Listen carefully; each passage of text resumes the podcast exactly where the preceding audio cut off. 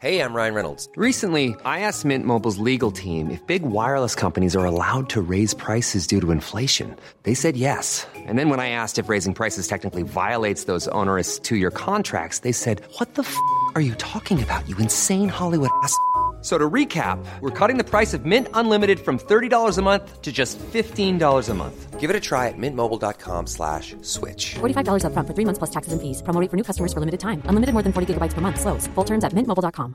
I'm Sandra, and I'm just the professional your small business was looking for. But you didn't hire me because you didn't use LinkedIn jobs. LinkedIn has professionals you can't find anywhere else, including those who aren't actively looking for a new job but might be open to the perfect role, like me.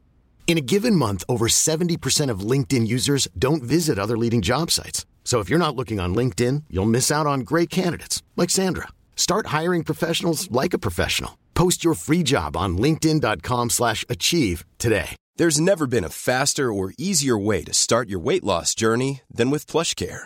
PlushCare accepts most insurance plans and gives you online access to board-certified physicians who can prescribe FDA-approved weight loss medications like Wigovi and Zepbound for those who qualify. Take charge of your health and speak with a board-certified physician about a weight loss plan that's right for you. Get started today at plushcare.com slash weight loss. That's plushcare.com slash weight loss. plushcare.com slash weight loss. Moberg bil, Moberg bil, Moberg bil. Fan, de är ju bäst på däckbyte. Det är ju snart dags nu att byta Ja. däck. Nu är det dags att sätta på vintersulorna som man säger. Kommer de riktiga grejerna på. Ja. Frågan är om du körde, körde undrar om vi får eh, så här eh, med dubb eller så här, vad heter det? När man kör ju utan dubb fast det är ju vinterhjul. Ja, jag kör ju helst med dubb för jag tycker det är godare. Men det slits ju lite mer i och för sig. Men, Ja, på vägbanan. men det låter lite godare. Ja, jag vet, jag vet. Ja. Du vet att polisen sitter så och tar folk om de har glömt att byta däck på, på sommaren. Eller på, ja. Jag åkte fast för det på fyra hjul en gång. Här nere. För? Eh, nej men jag hade ju inte tagit av mina vinterdäck. Hade du dubbdäck då? Ja, och då satt ju polisen med nerruta... Vet Så du de hör det? Ja, exakt. Så... fan. Ja, det blir Ja. dyrt. Så det är Ja, bättre att byta däck när man ska byta däck. Och gör det på Moberg bil då. Ja, exakt. Och det kan man boka online. Mm. Och vet du vad det bästa är? De har däckhotell också. Så du behöver inte ens förvara däcken någonstans. Utan de servar dina däck, har de stående under vintern. Jävlar vad praktiskt. Ja, det är grymt. grymt. Och det är inte bara vet du, det är personbilar utan de kör ju också som jag som har hantverksbil. Ja. Och då slipper man ha däcken liggande någonstans. Ja, det är underbart. Det är Så perfekt. slipper man smutsa ner sig också. Ja. Så Moberg bil. Ja. Eh, online. Hur det funkar det vet vi inte men... Nej, inte jag. Nej, men det är jävligt bra. så där ute någonstans på nätet kan ni göra det. Men i alla fall. Kontakta Moberg bil. För det är våran bästa billeverantör. De är skitgoda. Ja, ha det gött. Hej. Ja, innan själva huvudpodden sätter igång ska vi bara ta lite försnack Glenn. Ja, det ska bli intressant. Jonas, du är också med här. Ja. ja. Det är ju nu eh, första till tredje Oktober. oktober nu. Så det är en konstutställning. Mm. Eh, på Anders Karlssons gata 2 va? Ja, just det. Är det Hisingen eller är det? Ja, Radiomuseet. ja exakt. Radiomuseet. Eh, och det är för Suicide Zero. Eh, och det är 25 stycken konstnärer som ställer ut där under helgen. Eh, så man kan åka ner dit och eh, vara med och köpa lite tavlor. Ja, jag skulle sagt det. Kan man bjuda på dem då eller? Ja, absolut. Okej. Och eh, allting, eh, alla pengar som kommer in här går till då Suicide Zero. Eh, hur, hur uttalar man det? Så Suicide Zero? Suicide ja. Eh, så där kan vi ju rekommendera alla faktiskt ta en sväng förbi där Mm. Absolut, under det är väl alltid jättetrevligt. Fredag öppettider mellan 16 och 19. Lördag 12 till 16. Söndag 12 till 16. Så eh, absolut ska ni dit ner och titta på detta. Och det är Fredrik eh, Boman har jag ju pratat med då. En av konstnärerna. Eh, och de ville gärna att vi pushar för det. Och Ja, det men ligger ju absolut. så bra till till dagens avsnitt också. Ja, verkligen. Verkligen. vad är det för gubbar som har målat? Är det någon man känner till eller? Det är det säkert. Ja. Men det behöver vi inte gå in på. Nej, det nej, var nej. 25 stycken. Ja, ja, just. Så man får gå dit och titta. Ja, ja. ja. ja. Och eh, alla pengarna är ju till ett bra ändamål Mm. också. Yes, box. How would you like to look five years younger? In a clinical study, people that had volume added with Juvederm Voluma XC in the cheeks perceived themselves as looking five years younger at six months after treatment. Look younger, feel like you. Add volume for lift and contour in the cheeks with Juvederm Voluma XC. Reverse signs of aging by adding volume to smooth laugh lines with Juvederm Volure XC. For important safety information and to find a licensed specialist, visit juvederm.com. That's J U V E D E R M.com. Not for people with severe allergic reactions, allergies to lidocaine, or the proteins used in Juvederm. Common side effects include injection site redness, swelling, pain, tenderness, firmness, lumps, bumps, bruising, discoloration, or itching. There's a risk of unintentional injection into a blood vessel, which can cause vision abnormalities, blindness, stroke, temporary scabs, or scarring. Talk to a licensed specialist to find out if it's right for you. I'm Sandra, and I'm just the professional your small business was looking for. But you didn't hire me because you didn't use LinkedIn jobs. LinkedIn has professionals you can't find anywhere else, including those who aren't actively looking for a new job but might be open to the perfect role, like me. In a given month, over 70% of LinkedIn users don't visit other leading job sites. So if you're not looking on LinkedIn, you'll miss out on great candidates like Sandra. Start hiring professionals like a professional. Post your free job on linkedin.com/achieve today. Hold up. What was that? Boring. No flavor. That was as bad as those leftovers you ate all week. Kiki Palmer here, and it's time to say hello to something fresh and guilt-free. Hello Fresh. Jazz up dinner with pecan-crusted chicken or garlic butter shrimp scampi. Now that's music to my mouth. Hello Fresh. Let's get this dinner party started. Discover all the delicious possibilities at hellofresh.com. Så ska vi även pusha lite grann för, för du gillar ju eh, avkoppling nu för tiden va? Mycket ja. Man Ja. kan stressa av lite. Ja. Och du brukar ju flota då. Ja. Floating. Det är för jävla gött. Bara ligga på rygg i saltvatten och njuta. En gång somnade jag vet jag. Och andra gången så vet jag inte varför jag inte somnade. För att, eh, men det vet jag nu. Man skulle ju släcka lampan tydligen när Ja. man ligger i vattnet. Ja, ja. Och det gjorde ju inte jag. Nej, det var första gången. Där, ja, det var första gången. Och så tänkte jag, fan, när somnar man? Jonas, har du testat det någon gång? Ja, faktiskt. eh, Länge, länge sedan. Och det... Men jag släckte ljuset faktiskt. Så det, det var rätt skönt faktiskt. Ja. Ja. Det är superskönt det. Men det är ju en sån här eller någonting. Ja, kan ju vara jävligt bra. Så, så vi kan ju rekommendera och det här gör inte vi bara för att, eh, för att vi känner Tobbe då, bland annat som har det. Utan Göteborgs Floating Center då här i Göteborg. Alltså gå in där, vi har pratat om det innan. Och Glenn du är ju en aktiv eh, köpare där nu av dessa tider. Så eh, gå in där nu, köp en första present för det snart är det november. Ja, men det är värt det kan jag säga. För det är total avkoppling. Du är borta i en helt annan värld. Ja. Och eh, du älskar det. Ja. Eh, jag har inte gjort det lika ofta som du har gjort det ännu. Eh, men jag skyller ju på att jag inte har tid. Nej, men det är ju det. Ja, det gör vi alla. Men det här är avkoppling och det är, det är bra. Man måste slappna av någon gång. Man kan inte bara hålla på och stressa runt om. du sa ju till Blåvitt-spelarna här nu att deras sätt att slappna av... Ja, men det jag sa var så här att man ska inte gå ut och bli dyngrak. Men när det är nästa landslagsuppehåll och det, det är lite uppehåll i Allsvenskan. Så för fan. Koppla av, gå ut och ta ett par bira. Glöm fotboll för Ja, en ja, liten visst. stund. Kasta dart eller ja, vad fan vad som fan helst. som helst. Ja. Bara kom bort från fotbollen lite. Som att tankegången kommer på något annat. Ja. För det, är- det, är- så koncentrerat och det är så mycket skit just nu. Så att jag rekommenderar verk, verkligen för Blåvittgubbarna att ta ett par bira och vara som folk. Ja, men ta med dem ner när ni ska komma ner och träna med mig och LG. Det är... Ja, det är Men då har de skrattat ihjäl sig va? Ja. Men då vet du vad de kan göra? De kan faktiskt köpa sig Götenna-lock på man. För det är ju en för lagom för en kväll. Ja. Eh, Per person ja. Ja, ja, självklart. Per man. Eh, och sen åker de bort till Göteborgs Floating Center. Flotar de där en timme.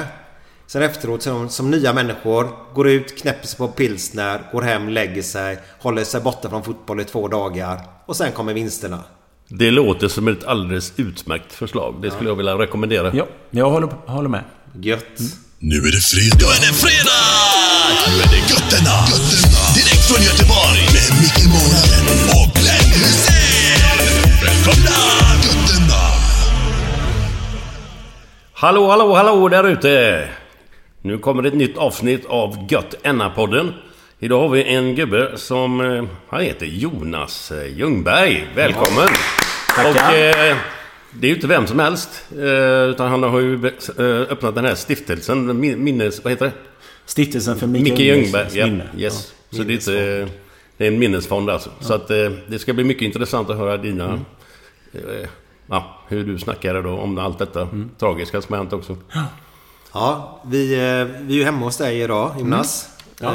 Eh, och alla ni där ute nu som tänker så här, ah, Det här kommer bli jobbigt, och kommer bli tungt och allvarligt. Och det kommer det bli. Mm. men det här avsnittet, stanna kvar och lyssna igenom hela. För det här kommer bli otroligt intressant och det kommer säkert bli känslofyllt. Mm. men ett otroligt viktigt ämne att prata om. Eh, jag känner ju själv folk där ute som går runt och mår dåligt. Det gör man själv ibland också. Fast det finns alltid olika nivåer på det hela. Så. Eh, Och vi måste ju börja prata mer om, om våra känslor. Och jag tycker jag sett där ute, men vi kommer till det sen, att, att eh, vi, vi, vi blivit bättre på det människan senaste 20-30 åren här känns det som. Absolut, så det måste jag definitivt hålla med om. Och det tycker jag är jätteviktigt. Det är att vi verkligen pratar om det och med varandra. Och att man vågar fråga när, när man ser att någon mår dåligt eller är ledsen eller, eller glad för den delen. Utan eh, det, det handlar om att, att lyssna på våra medmänniskor och vänner runt omkring oss. Men, men alltså jag, jag... Jag ska inte säga att jag har svårt för att se saker och ting så. Men, men hur, hur... Hur ser man att en gubbe eller en tjej mår dåligt liksom? Alltså allvarligt. Hur, hur ska man veta det? Liksom? Jag tror man märker det rätt snabbt om, om man... Träffar man en person en gång om året så kanske det är svårt att avgöra det. Men jobbar du ihop med den eller har den i din familj, den här personen som mår dåligt eller är ledsen, eller så märker man på humöret hur, hur människor uppträder, hur de svarar och hur de, hur de är i allra största allmänhet. Eh, och är det för stor ändring på människors, vad ska man säga, utstrålning mm. så, eh, så är det väl kanske inte alltid 100% då. Jag känner ju att de gångerna man, man mår dåligt eller har mått dåligt så, så jag drar mig gärna undan folk. Jag blir antisocial. Ja men det tror jag också. Och det, och det är väl ändå, det ser man ju verkligen det. Om man vet att det är någon som alltid är god och glad och du vet och klackarna i taket och så helt plötsligt så märker man inte av den här personen på samma sätt längre. Då, då kanske man ska fråga hur det är. Och man behöver ju inte göra det i, i det offentliga rummet utan man tar det mellan fyra ögon och hur är det egentligen? Och det tror jag är jätteviktigt. Men ja, har du, känner du att du har blivit bättre på det sen det som hände med Micke? Eller, eller, eller var, var du sån redan innan? Eller? Så du, man men- kunde läsa lite? Ja, men jag har nog alltid haft möjligheten att se på folk när de inte är hundraprocentiga. Men sen har det ju också blivit så att man har ju blivit... Jag tror att jag, jag, jag, jag tänker ofta på hur människor är. Eh, måste jag säga. Då, ja, då bättre... Ja, men lite ta- taggarna utåt, eller vad Ja. man ska säga. Tentaklerna utåt. Ja, Taggarna tentak- låter illa, men eh, du vet att man, man, man kan läsa av när någon inte är jätteglad. Och sen, det behöver ju inte vara värre än att lönen inte kommit in på kontot. Nej, nej. Men det, eller, nej, men det, det behöver ju inte alltid vara att man har självmordstankar. Eh, Det kan ju vara massa olika människor, saker i en människas liv som gör att man mår dåligt. Kanske har gått, eh, fått fortkörningsböter eller vad, vad, parkeringsbot eller... eh, Ja, ja, för Det, det är ju individuellt det där vad, vad, vad som tär på en. Ja, absolut. En del bryr sig inte om en fortkörningsböter. Ja, det skiter väl jag i ungefär. Men medans det kan Menar, vara något menar du våran goda vän Patrik Sjöberg nu eller? Ja, han har väl fått något kanske. ja, kanske. Ja, men det måste ju vara förbannat svårt att se liksom... Att man inte... Man hör ju det ofta när det händer sådana här grejer som är mycket då att... att kunde man inte se det innan liksom? Eller fick- hade man ingen aning? Så tänker man ju liksom. Men... Liksom, men Mikael, var, han- Mikael hade väldigt... Han, han eh, var väldigt... Eh, eh, han höll upp en fasad när han var ute bland folk. Det var ingen som märkte det på honom egentligen. Han har alltid varit en grubblare. Och det kunde störa mig när vi var ute och åkte bil tillsammans exempelvis. Så skulle han alltid stänga av radion. Medan jag spelar gärna radio och musik. Och Inte för att jag är duktig på att sjunga med, men man gjorde ju det när man satt i bilen. Eh, men Mikael han lyssnade aldrig på radio. Eh, Det var alltid tyst och han satt alltid och funderade och var alltid en grubblare då. Så att det där... Men man kan, jag kunde fortfarande se när det var en, en dag där han mådde sämre än en annan dag när han mådde bra då. Och så, så tror jag att det är viktigt att man, man, man tittar på sin familj och sina vänner, de man har runt omkring sig. Oftast är det ju de som ser det. Först. Och det var ju det vi gjorde. Vi pratade ju inte om det utanför familjen. Vi visste ju att Mikael mådde dåligt. Och han hade ju fått lite behandlingar och sånt där under några år innan. Han valde att ta livet av sig då. Ja, det var så. Eh, Men sen så ville han ju... Han ville ju egentligen inte... Han var ju den stora starka brottaren där och... Men eh, det sista halvåret kan man väl säga att då, då blev han lite mer... Vad ska man säga? Jag vet inte riktigt. Blödig kanske man ska säga. Jag vet inte. Han, han blev lite... Han ändrade sig själv och sitt, sitt sätt att agera utåt. Och inte på något negativt sätt utan man, jag såg bara att det blev en förändring på honom. Ja. Men är det någonting som du tänker på idag som du kanske inte tänkte på då att, att det var så illa som det var? Liksom att, att nu när man tänker efter, efter det har hänt. Ja, jag har faktiskt- Alltså, skulle, du, kan, kan du känna att fan, kunde jag inte sagt det eller gjort det eller vad som helst? Grejen var att jag försökte och jag gjorde, jag pratade med Mikael. Men jag kände, jag har alltid känt så att jag har aldrig funderat på om jag kunde göra på något annat sätt. För det funkar inte så. Inte för mig i alla fall. Ska jag gå omkring och må dåligt resten utav mitt liv då? Eh, Det går inte. Det, det funkar inte så. Jag menar... eh, Som jag har sagt tidigare där. Man... eh, lever väldigt kort tid med, med tanke på hur länge man ska vara död. Och därför så försöker jag att ta tillvara på det som vi har här och nu. Och så får det ge mig näring för att jag ska må bra. Jag kan inte älta att jag skulle ha gjort på ett annat sätt med Mikael. Vi fick in honom på sjukhuset och de hjälpte han inte tillräckligt. För det var ju där han tog livet av sig sen då. Ska, vi- har, vi- har du lust att berätta de sista dagarna där? Absolut. Eh, Så att folk får... För, det- för det här... Glenn och jag, vi sitter ju nere i Särö nu då. På vägen ner hit så, så började vi prata om det vi skulle prata om idag. Och både jag och Glenn blev chockade att det var 04 att det hände. För, ja, jag sa jag? 7-8 år sedan. åtta år sedan. 8, 8, ja, 8-9 år sedan kanske jag trodde det var. Men tiden springer ju iväg alltså.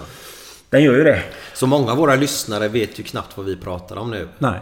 Kan vi bara, vem, vem var Mikael? Eh, Mikael var eh, först och främst eh, en fantastisk människa.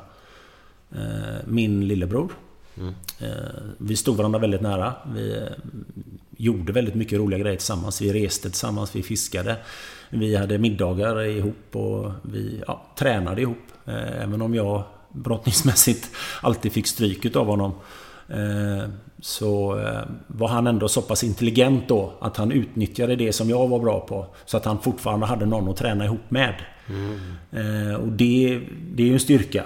För jag menar, han hade ju kunnat slå ihjäl mig höll jag på att säga. Men eh, verkligen eh, på, på väldigt mycket kortare tid än vad han gjorde. Utan han, han utnyttjade mig till sin sparring och sin träning. Och, men det var ju inte alltid att det var någon som ville ens gå med ner och springa hinderbana. Men det kunde jag göra. Eller vi kunde gå ner och trä armar eller vad vi nu gjorde för någonting då. Eller köra styrka ihop. Eh, Och där var han en, en, en väldigt så ödmjuk människa som verkligen tog tillvara på dem runt omkring sig. Eh, Sen då när han eh, valde att eh, ta livet av sig så hade vi väl haft några dagar innan där när vi hade fått in honom på sjukhuset då. Eh, Och han blev väl... Jag vet att han sa till läkaren där, för han- då var han rätt ledsen att jag har ju faktiskt försökt att ta livet av mig två gånger. Och det var egentligen första gången som jag hörde han säga det. eh, Med egna ord då. Och detta var samma dag som han då sen tog livet av sig. Men de två första gångerna där, vad, hade, vad, vad hände då? Liksom? Nej, jag kom hem vid ett tillfälle och då hade han eh, eh, flyttat omkring sina möbler i huset. Och jag trodde att han hade möblerat om för han öppnade inte. Eh, och då hade han använt eh, ja, möbler till att sätta en snara i då. Och så ner i en trappa. Men eh, det här snaran då höll inte. Han gick av. Så han drattade i backen där istället då. Och han försökt hänga sig där. Eh, Men så... Det, det sa han... Det, detta var några, några dagar innan då. När han verkligen lyckades. Det, det, är också så att det, de här tidsgrejerna de flyter ju liksom ihop nu. Mm. Det är ju ändå så många år sedan. Och även om man har pratat om det mycket och jag har aldrig haft något problem att prata om det heller så, så blir det ändå sådär. Men... eh, Men det var jävligt tätt mellan de Ja, tre var- gångerna om man säger Ja, det kan man säga. Ja, ja. Eh, Det var nå- någon vecka bara. Eh, Och då... Ja. Sa han det på sjukhuset där då. Jag har ju faktiskt försökt och då vet jag att då, då var han ledsen. Och det är väl egentligen enda gången som jag sett han vara ledsen då. Eh, Där han verkligen fällde tår. Eh, Ledsen på det sättet. Eh, Och då hade han ju precis kommit in till, till sjukhuset, Mölndals psykakuten. Men var ni med Micke där uppe? Ja, jag var med Mikael där uppe. Hur, vad var det som gjorde att ni... Var det han som ville åka dit? Eller? Ja, det kan man säga. Han hade ju varit på... Eh, det blev en massa skriverier i, i, i tidningarna där. Mikael mådde inte bra. Han hade åkt upp till psykakut, eller psyket på Sahlgrenska och så lämnades han där. Och jag körde han dit. Och då går jag in och pratar med läkaren och så frågar jag läkaren så här, eh, Om det är nu så att Mikael går härifrån, kan ni inte ringa till mig då? Jo, jo men det är inga problem. Eh, och då hade jag ju sovit dåligt i kanske 14 dagar. Fått ta hand om Mikael, bodde hemma hos han. Eh, och eh, jag får övertalat honom att vi ska åka upp till Sahlgrenska. Och jag lämnar in han, eller lämnar in han, han jag får in han där och de säger att de ska ta hand om han då. Och Mikael ville ju det också då själv för han kände ju att det här är ju inte bra och så gjorde han väl lite grann för att jag var på han också då naturligtvis. Och så frågade jag läkaren där när Mikael hade kommit in på sitt rum. Han hade lagt sig och fått någon medicin. Och så sa jag det, är det så att nu att Mikael går härifrån så kan ni väl kontakta mig så att jag vet om det. Ja, ja men det är absolut inga problem. Det ska vi göra. Säger den här läkaren då. Och då är klockan åtta på kvällen och jag åker hem. Eh, och då bodde vi i Lindome. Eh, och eh, ringer precis. Jag har kommit hem, lagt mig i soffan. Ligger och kollar på TV och bara tänker jag får ringa och kolla hur det är med Mikael. Så jag ringer upp till psyket och jag tänkte höra med Mikael. Ah, vänta lite, du ska få prata med läkaren här. Ja, så kommer läkaren och så frågar jag lä- läkaren. Och, ah, han har gått. Vadå gått, sa jag. Du skulle ju ringa mig. Ja, jag frågade han om, eh, om jag fick ringa till dig och säga att du hade gått. Eh, och det ville han inte. Nej, men det hade väl vem fan som helst kunnat lista ut. Det behöver inte vara någon jävla läkare för att komma på det, sa jag. Men vet, vad är Mikael? Det vet jag inte. Nej, han är självmordsbenägen och ni släpper ut han utan att kontakta familjen som jag har bett om att ni ska göra. Och ni gjorde inte det. Eh, nej, jag, jag vet faktiskt inte riktigt vad jag ska säga. Och då gick han i alla fall upp till GT, Expressen. Jag vet inte om ni kommer ihåg det, men det var något heluppslag där. Han hade läst någon, någon bok då som inte var... Den manipulerade människor och Mikael mådde alltså inte... Han, det här, man märkte ju då i hela den här artikeln då som var ett mittuppslag då om Mikael. Och det där har jag ju inte tyckt om GT för egentligen. Vad- Sen det hände eller då. vad var det då? Men han gick upp själv till Han GT? gick upp till GT och de Och intervjuade han. Ja, för han hade fått för sig någonting Mikael. Han var ju deprimerad och mådde ju inte bra. Eh, Bara så att jag hänger med. Ja. Gick han från Sahlgrenska Ja. till GT? GT, ja. Och så gör de...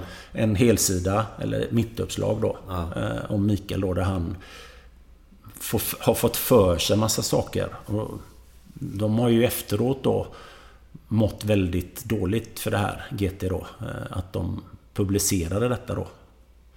Men jag tycker ändå att man får ha... Man, man, de sa ju det själv, vi förstod att han inte mådde bra. Ja, men då skriver man väl inte en, en helsida om det här? Men var det intervjuform då? Intervjuform, eller? Så ja. att de hade pratat med Ja, ja, honom? han var det de som ungefär som vi sitter nu då. Ja, ja. Och så frågade de mig och Mikael berättade en massa konstiga grejer där. Och det var ju, fanns ju liksom ingen logik i det egentligen. Eh, så att eh, det var... Det var rätt jobbigt faktiskt att, få läsa det här efteråt då. För det här stod ju efter det att Mikael hade tagit livet av sig då. Så kom ju det här ut. Släppte de den efter? Ja. Wow. Ja. Så det var, det var, det var, det var jobbigt. Men... Eh, det, det är ju som det är, höll jag på att säga. Det- Jag kan ju inte göra någonting åt det idag. Nej. Men fort, fortsätt där. Vad var det som hände med efter det? Eh, och då... Detta var ju på söndagen då. Och sen så tar ju Mikael livet av sig på onsdagen. Eh, och då var ju detta på Sal eller på Mölndals akuten då. Mm. Eh, men det är, det är ju... Jag vet inte riktigt hur man... man det, det blir så mycket bilder och så mycket som man ser i sitt eget huvud nu. Liksom man, det är ju inte så att jag inte kommer ihåg men vissa grejer har man ju kanske medvetet eller omedvetet glömt eller släppt lite grann. Så att, eh, men det var en väldigt jobbig tid i alla fall. Och det, när han då eh, kom in på sjukhuset där på, på Mölndal så hade han ju då frågade jag, för jag jobbade, då jobbade jag inom kriminalvården, eller inte inom kriminalvården så, utan vi hade kiosken uppe på häktet. Och på några anstalter i Göteborg. Och när det var någon som var självmordsbenägen där, eller suicidal eller vad de kallar det. Eh, så fick de inte få in skärp. De fick inte få in skosnören. De fick inte få in sådana kläder som de kunde använda för att skada sig själva då. Och när jag hade lämnat Mikael där uppe så gick jag bort till eh, läkarna där, eller sjuksystern, och så frågade jag liksom vad... Eh, varför har ni inte tagit av han? Han är ju ändå själv... Nej men det, det förstår att eh, du... Vår, vi vet vad vi gör på vårt jobb. Vi, och det är den personliga integriteten. Vi kan inte ta ifrån människor deras eh, skosnören och skärp och sådana grejer då. Och när de ringer mig då några timmar senare så, så, så, så berättar de ju då att Mikael hade tagit livet av sig. Ja, Och då frågade jag vad han använde för någonting, för de sa att han hade hängt sig. Och då var det ju inte skosnöre eller skärp, utan han hade tagit ett lakan. Och det var samma sak inom kriminalvården då. Då fick man inte ha... Då fick man papperslakan. När man var instängd i sitt, sitt eh, rum då. Eh, Men han hade ju varit där uppe några dagar. Så han hade ju lärt sig deras tider då. Eh, Han skulle ju ha tillsyn var 15 minut. Eh, Och eh, det hade han ju under dag, dagen. Men när, eh, när, när det blev middagsutdelning då så var ju personalen upptagen på annat håll. Och då visste han ju det att här, nu tar det inte en kvart längre. Utan nu är det 35 minuter innan de kommer och tittar till mig. Och det var ju då han tog chansen. För han var ju väldigt eh, målinriktad. Det är ju som idrottsmän är. Har man bestämt sig för någonting så blir man... Då får man sex getingar i GT. Eller så vinner man OS-guld. Och det är så lite grann. Man, man, nu är inte jag idrottsman på det sättet, men jag, jag kan ju förstå hur det är att om man vill någonting så, så lägger man ner all sin energi och man planerar och man tränar och man äter och man sover och man åker på tävlingar i den utsträckningen så att man ska kunna prestera som mest när det blir ett mästerskap. Och det var ju det Mikael hade gjort här också. Han, hade ju, han visste ju vad han ville. Han ville ju inte leva längre. Och det är ju... Han skulle och han gjorde. Och han hittade en, en, ett mål och det var det han uppnådde. Först och främst så blev han bäst i världen. Både EM, VM och OS-guld. Och sen då bestämma sig för att bli målare. Och liksom blev utbildad och fick sin licens eller vad det heter. Mästerbrev eller vad det kallas. Mästarbrev. Mästarbrev. Eh, Och det var ju samma sak där. Han var målinriktad. Eller gesällbrev, Eller ges- Ja, just det. Så kanske det heter. Eh, Han visste vad han, han, visste vad han ville. Och därför så... Och jag har fått höra det någon gång efteråt. Så här, ja, men du förstår att han gärna... Han ville ju leva. Jo, men nu gjorde han ju inte det. Han, han ville ju inte leva. Jo, men så är det. Du, man, alla vill leva. Jo, det... Men ska jag få dåligt samvete nu då? Eller vad menar du? sa jag till den här personen. Nej, det var inte så, men du måste ju ändå förstå att han vill ju gärna leva. Ja, tydligen inte. Nej, men alltså, det, det, för, även om inte jag är någon jävla psykolog, men att han ville leva. Om man har försökt ta livet av sig två gånger innan. Då vill man väl fan inte leva? eller? Nej, det vill man ju inte. Sen om det sen- Sen så finns det ju säkert då, och det fick ju vi också lite skit för då, att vi gick ut och var öppna med det här att Mikael tagit livet av sig. För det triggade andra människor som var... var Att ta livet av sig? Att ta livet av sig. När någon då, offentlig person, stor och stark, eh, världsmästare i brottning, eh, mår så dåligt att han tar livet av sig. Så då ska man inte prata om det. Men så, men det kommer jag aldrig... Jag kommer ju inte... Ska, det här är ju... Ska jag bara vara tyst nu då? Det går ju liksom inte. Och det var ju som när Mikael hade gått bort och jag och pappa och eh, min sambo Karin då. Eh, eh, när vi sa det att men vi, vi, vi, vi måste säga vad, vad som har hänt. Mikael har tagit livet av sig. Det, vi kan inte säga liksom att nej, han är borta, han har rest bort. Det går ju inte. Ja, men det där kommer ju ut förr Ja, eller senare. Och ja. det kommer från dig eller er då. Ja, jag menar det. Ja. Då, och då behöver inte jag, som jag också resonerat så länge man håller sig till, till sanningen så är det mycket enklare. För ska man börja hitta på grejer och komma med Ja, men så här var det nog. Och så berättar man det för någon. Och så berättar man för någon annan i, i, i, till en god vän. Ja, men han tog livet av sig. Och så säger man ja, han, han dog i en trafikolycka. Ja, det, det blir inte Nej, bra. nej, nej. Så att eh, därför så resonerar vi så. Eh, Och där blev det också lite fel då. För då hade vi ju sagt det att detta hände ju på kvällen. Vid 6-7 tiden på onsdag kväll. Och eh, vi ringde ju runt då till eh, familj och vänner och då att eh, det inte skulle bli någon, något skriverier. Att familjen först och främst skulle få reda på det. Vad som hade hänt. Eh, och eh, ringde även då till förbundet. Och förbundet då i sin tur ringer till tidningarna. Så innan vi ens hade hunnit att kontakta våran mormor då. Eh, som var 85, 87 någonstans när detta hände. Eh, så får hon höra detta på eh, TV på morgonen då. P4 eller vad det var för någonting då. Som de sa det. För att det hade kommit ut då. Och det var ju inte så att det inte skulle komma ut. Men vi hade ju sagt att det kan vi inte vänta till imorgon. Så att vi hinner meddela familj. För det är inte meningen att våran familj och våra vänner eh, ska få höra det här. Sen går det ju omöjligt att ringa till alla. Men det är fortfarande så att man har ju sin närmsta kött och blod. Att de ska i alla fall få reda på det då. Eh, Och pappa. För han var ju inte hemma. Han var ju hos eh, en, en, en eh, dåvarande flickvän då, eller vad man ska kalla det. Eller flickvän. Det låter som han var 15. Ja, men det- vi fattar. Ja, en, en, en kvinna som han levde ihop med då. Eller var ihop med. De var särbo då. Och då skulle jag ringa till pappa då. Och berätta det här. Och det är nog fan det jobbigaste jag varit med om. Och få ringa till pappa och säga det att eh, din son har tagit livet av sig. Han lever inte. Fy fan.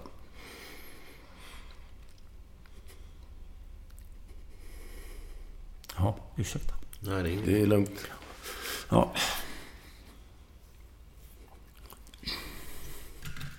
Ja, det var jobbigt i alla fall.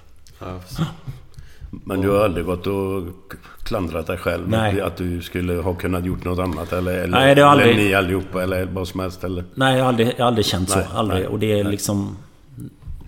Det går inte. Nej. Jag, jag kan inte. Bara, bara fråga. Har, har du själv pratat med någon? Ja, absolut. Alltså, Och det var faktiskt på min sambos inrådan. Karin sa det efteråt där att du måste gå och prata med någon. Nej, men jag behöver inte det. Du vet, man tänkte ju då att... Eh, nej, jag behöver inte prata med någon. Eh, men... Det var faktiskt det bästa jag gjort. Att gå och ta det samtalet med en, eh, en person som...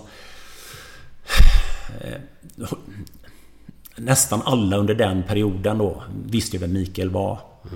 Eh, inte, dels för att han var en, en, en duktig idrottsman. Eh, men också för att han hade...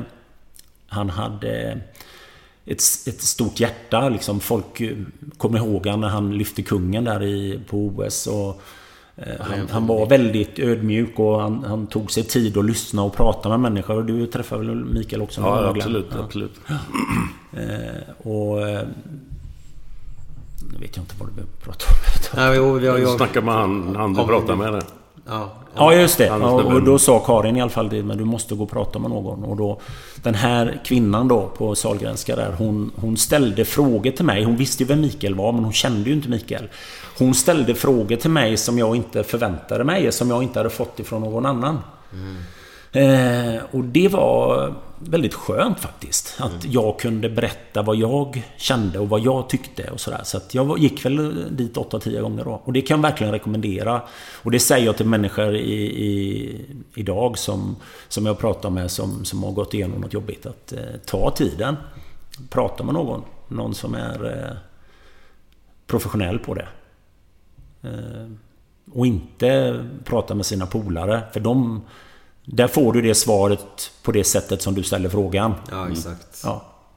Ska vi ta en öl till eller? Ja, självklart. Ja. Eller men det är så blir det. Varför kommer man alltid in på det? Jo men det blir. Eller ska vi köra ett träningspass till? Ställer man frågan... "Nej, Fan vi orkar inte köra ett pass till eller? Eller fan vad gött vi kör ett pass till. Du- Och vet jag vem jag pratar med så kan jag ju ställa frågan på ett sånt sätt så att jag får det svar som jag vill ha. Och du ringer ju din kompis som du vet, om du vill ha medhåll, som du vet att här kommer jag få medhåll. Som har Mm. Ja, ja. typ samma syn på Ja, vissa ja just det. saker.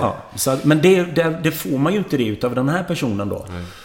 För hon visste ju inte vem Mikael var mer än att hon hade sett han på TV och sådär. Eh, Och kanske följt med då att han har tagit livet av sig och allt det som stod då. Och det är ju... Det är ju bra faktiskt. Jag, du- ja, förlåt. jag bara tänker så här. Då din bror Mikael som... Han var ju... Jag ska väl säga att de flesta i Sverige visste vem Mikael Ljungberg var. Eh, blir det svårare för er i familjen, den sorgen ni fick uppleva? För vi har ju ungefär 1500 personer om året som tar livet av sig. Eh, Som en offentlig person. Ja, men det var ju löpsedlar och det var ju TV, radio. Det var ju he- hela Sverige gick ju faktiskt in i, i en sorg där. Eh, Jag tror att eh, jag har haft lättare att bearbeta sorgen. För att jag har inte behövt hålla den för mig själv. Men om det är så att det händer i i en vanlig familj, om man kan uttrycka sig så. Eh, Där någon tar livet av sig så, så pratar man inte om det på samma sätt. Eh, Mer än kanske inom familjen då. Men då blir det ju liksom lite lite ältande om du förstår vad jag menar. Jag fick möjligheten och och jag vet att Karin då hon var inte speciellt nöjd på mig för jag pratade väldigt mycket i telefon. Eh, Den här tiden då, precis efter det att Mikael... Jag kunde prata 10-15 timmar om dagen i telefon. Och det var alla möjliga konstiga människor som ringde. Och inte konstiga heller för den delen. Utan det var alla möjliga som hörde av sig. Men det var sådana som du kände eller? Ja, eller inte kände. Ja, okej. Eller som visste vem Mikael var, eller som hade fått... Ja, och så ringde. Och det var, det var ett jättebra sätt för mig att bearbeta sorgen. För jag kunde prata om Mikael.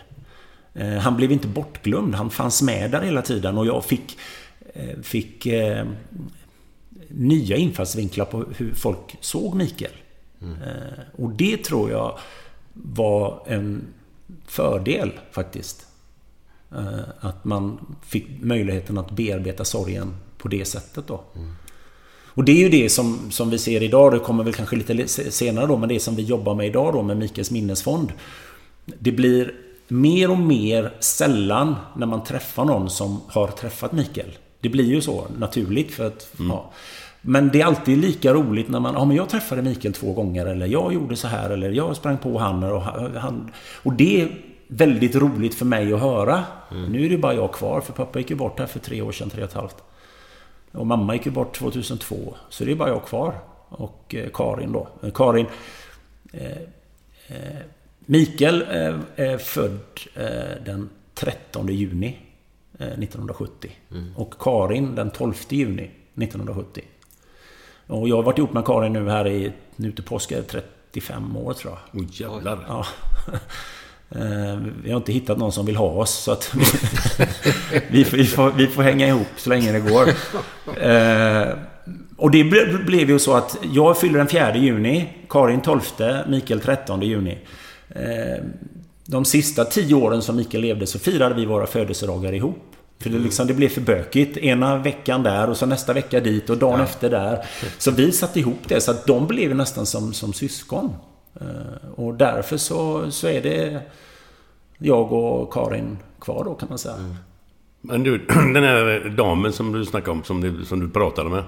Mm. Som du var hos. Ja, just det, Var, var, var, det, var det mer att hon satt och lyssnade då? Eller, eller var det en konversation? Eller hur funkar Ja, det var en kombination. Ja. Jag, hon frågade, hon ställde frågor. Och hur jag kände och sådär. Eh, Och så fick jag berätta vad jag tyckte och vad jag kände. Och så kunde jag ställa frågor till henne. Jag kommer inte ihåg något specifikt så, men eh, det var väl ungefär... Hon sa bara det att... Det som är viktigt är att prata om det. Och det är liksom det jag har tagit med mig. Eh, Oavsett vad det är för någonting så snacka om det. Det blir inte bättre att man sitter hemma och så går man omkring själv och så snöar man in och så blir det fel tankar. För Det är ju lätt att det blir så. Han sa, hon sa, den sa och så blev det så. Och så men varför gjorde den så? Och, du vet, och så börjar man älta och så blir det inte positivt. Nej. För det blir aldrig bra. Och därför så är det viktigt att prata med någon. Och jag tror att absolut man ska prata med sin familj och sina vänner. Men när det har blivit en sån tung och jobbig och traumatisk del i ens liv som det här var. Så är det viktigt att prata med någon. Eh, Sen finns det ju människor som behöver göra det resten av livet. Jag har inte pratat mm, med någon annan än den här kvinnan då på, på Sahlgrenska där. Eh, Men jag kan verkligen rekommendera det. Mm, det är bra. De, de kalasen där Glenn som var 4, 12 och 13 juni. De slog ihop det. Det måste blivit en jävla fredagskänsla på de kalasen där. Absolut. Det lät jävligt kul.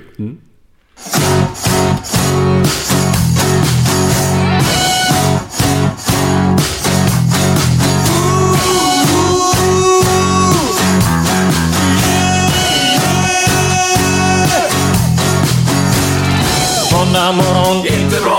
Tisdag morgon, inte bra. Onsdag morgon, inte bra. Torsdag morgon, det är inte bra. Fredag morgon, lite bra. Fredag lunch, mycket bra. Fredag eftermiddag, underbart. After work med karaoke. Man får en öl och pyttipanna. Fredag kväll och livet leker. Man kan inte säga annat än att jag har det gött nu!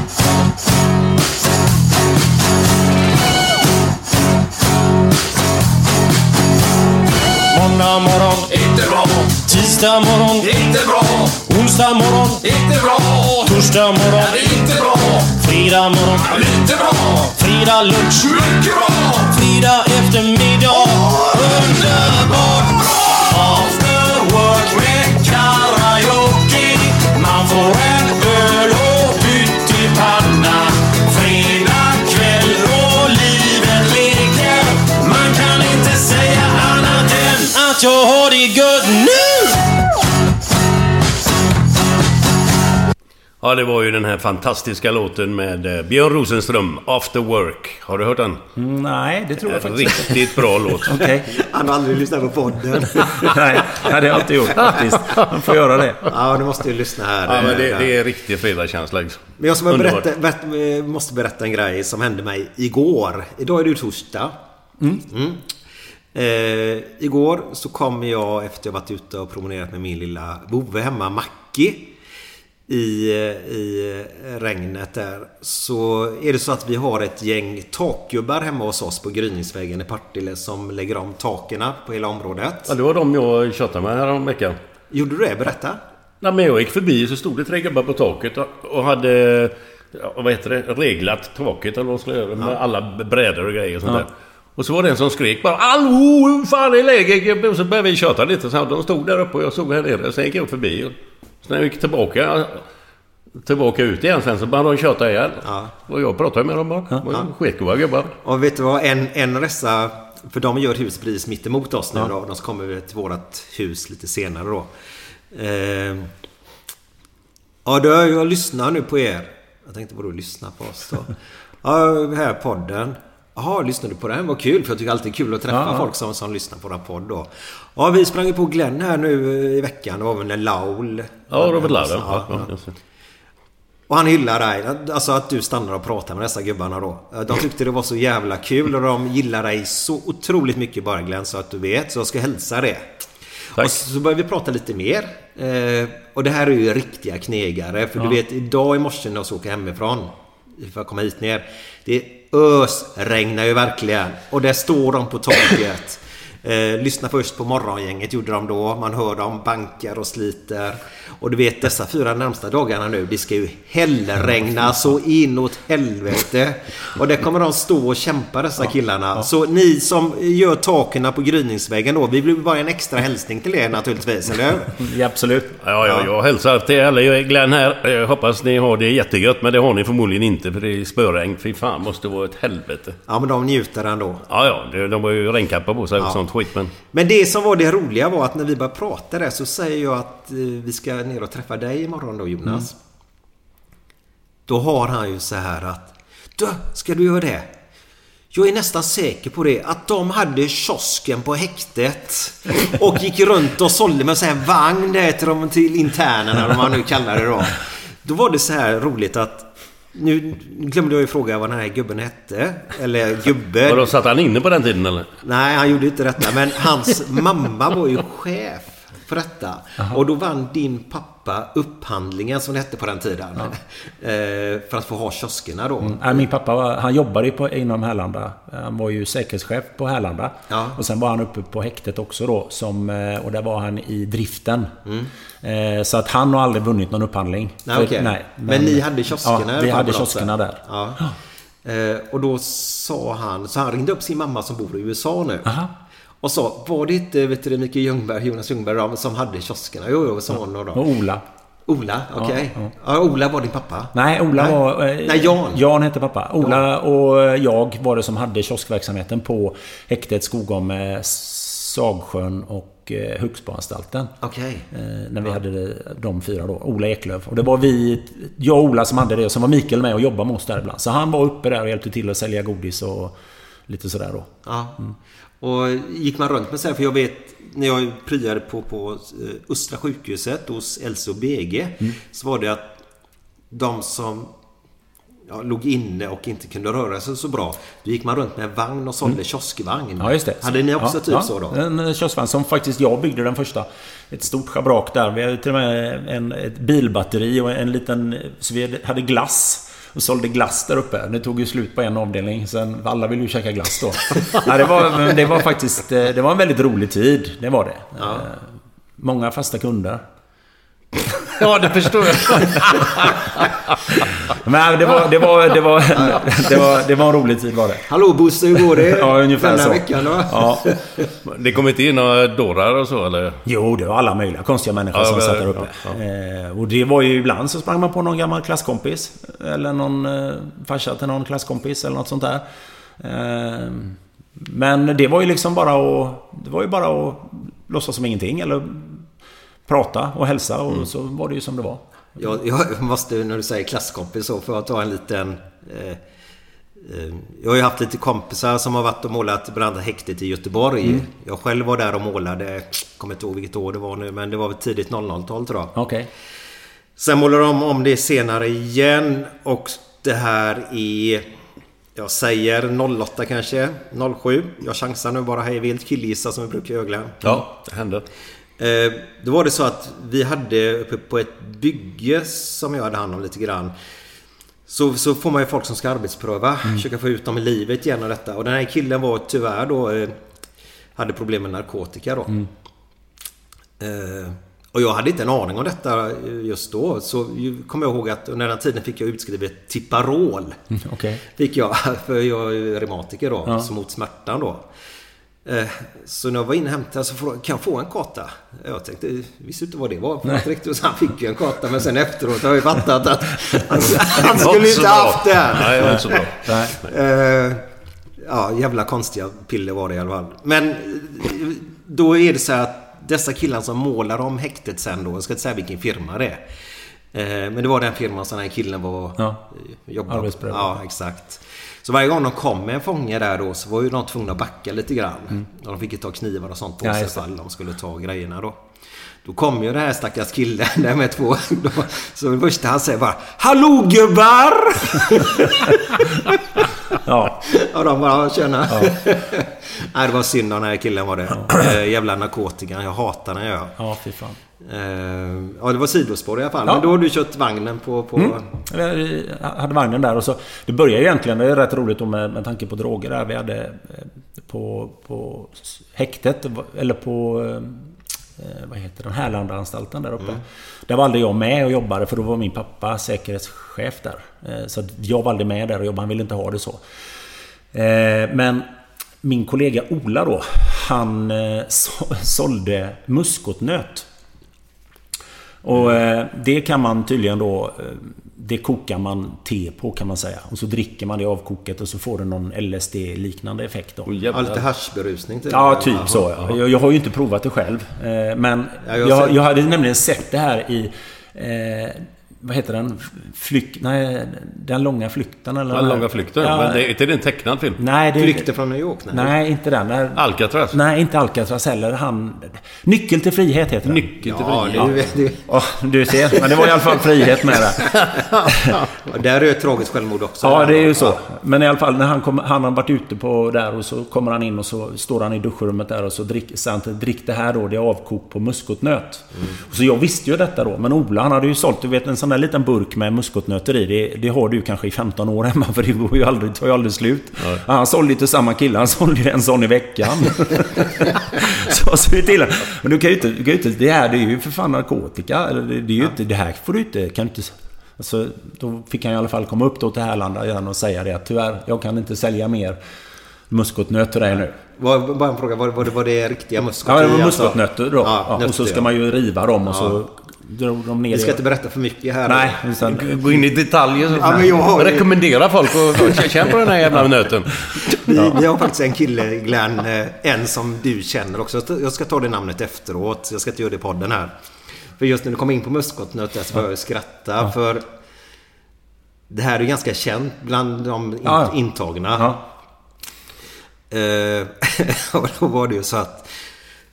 Jag ska inte säga varför, men ni får lyssna på vissa avsnitt så, så kommer ni få lite mer information. eh, Ja, eh, om mitt gamla liv om man Ja. säger så då. Men då var det så att var det ett par killar, han hade lite frigång. Eh, ska man tillbaka. Han skulle ha haft med sig muskotnöt och han fick beställningar hur mycket som helst.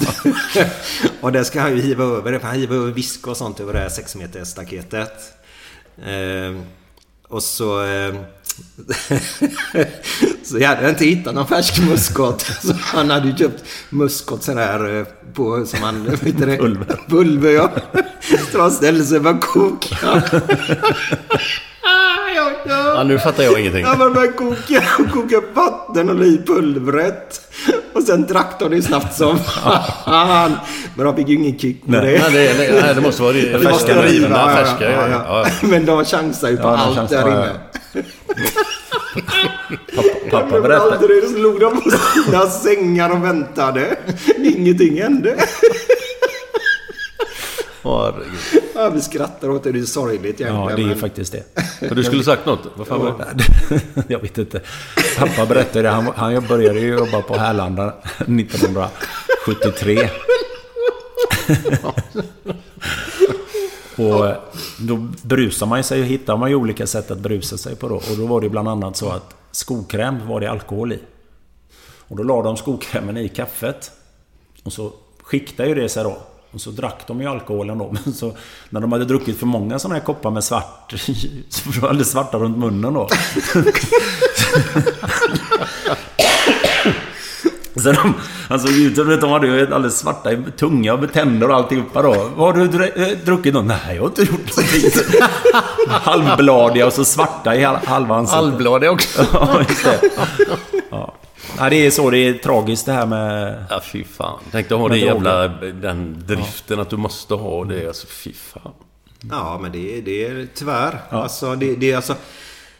Vi, nu satt jag och skrattade ganska mycket. Alltså, det är roliga minnen. Man Ja, måste ja. försöka gå vidare i livet då. Eh, Alltså, men det, det är många där ute. Det är lätt. Alltså, det behövs inte mycket i livet för att, för att det ska gå snett. Alltså. Nej, och då är det faktiskt bättre att prata med någon Ja. än att ta till flaskan eller ta till eh, droger.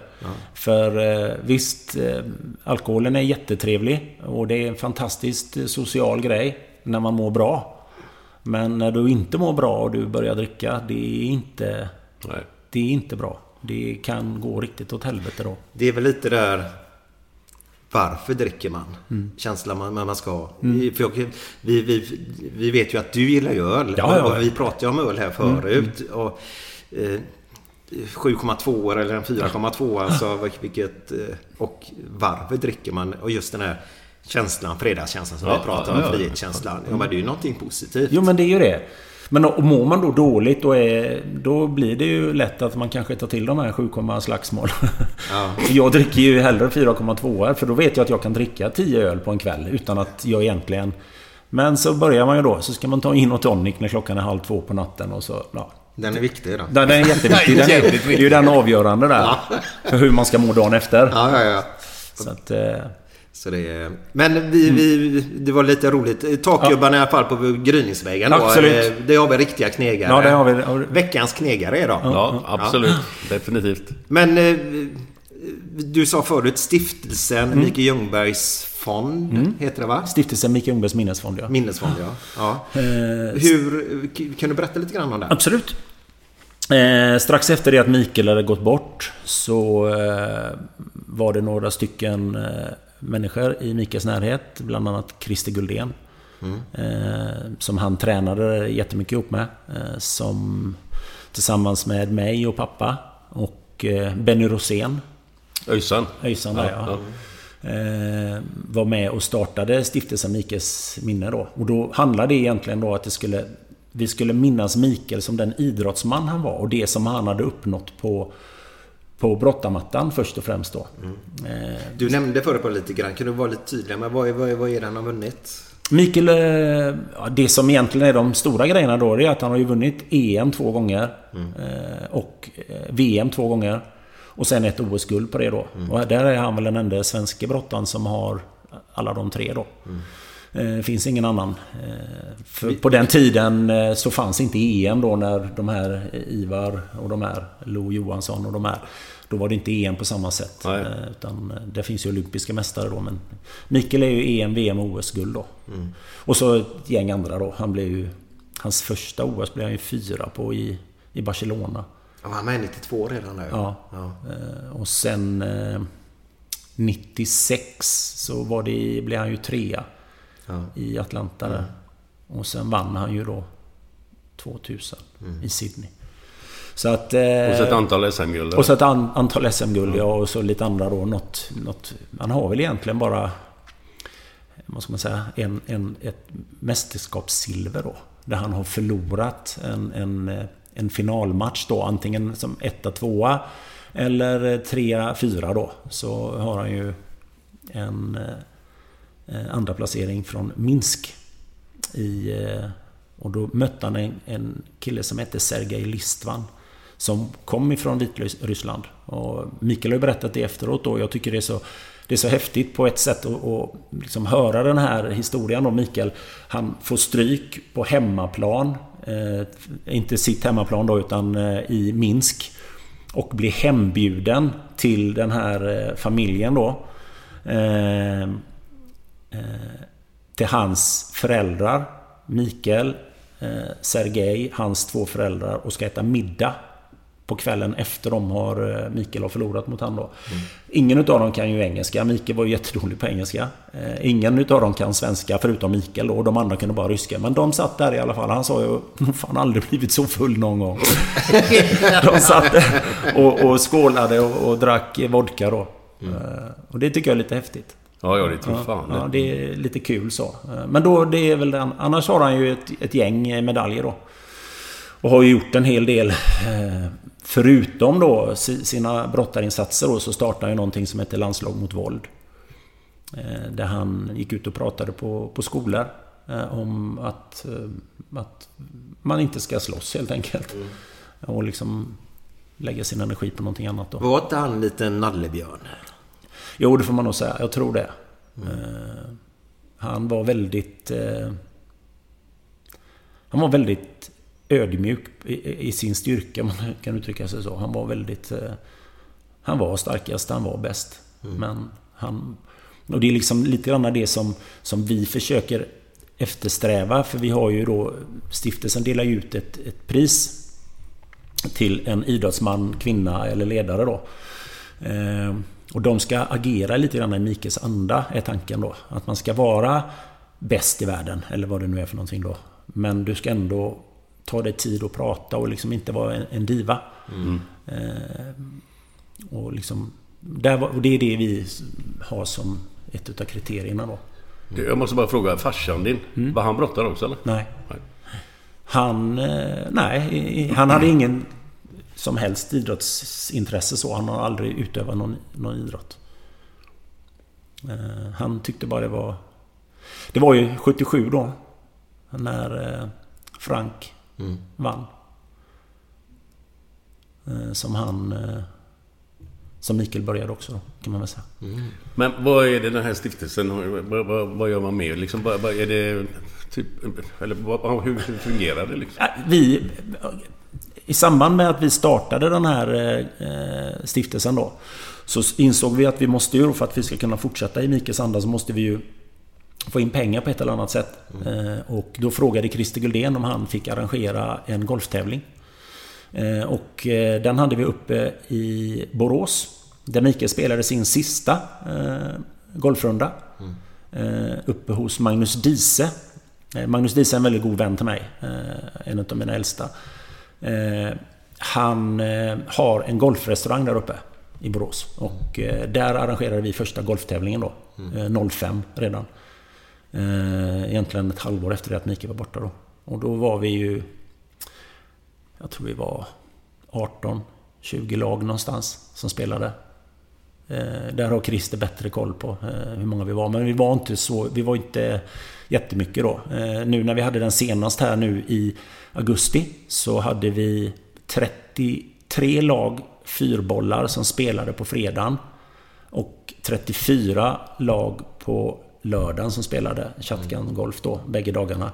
Och vi var väl ett 50-tal redan på torsdagen som var uppe och spelade då. Oj. Ja. Och du sa 34, alltså fyrboll, eller 34 gånger 4. Alltså, ja, så att det var... massa folk. Ja, det var två lag som startade vi hade ju shotgun-start. Eh, vi skjuter upp en raket och så startar alla klockan 10.00. Alla har gått ut till varsina hål. Och sen går man ju runt då. Mm. Eh, och då hade vi en start 10.00 och så är det en start 10.10.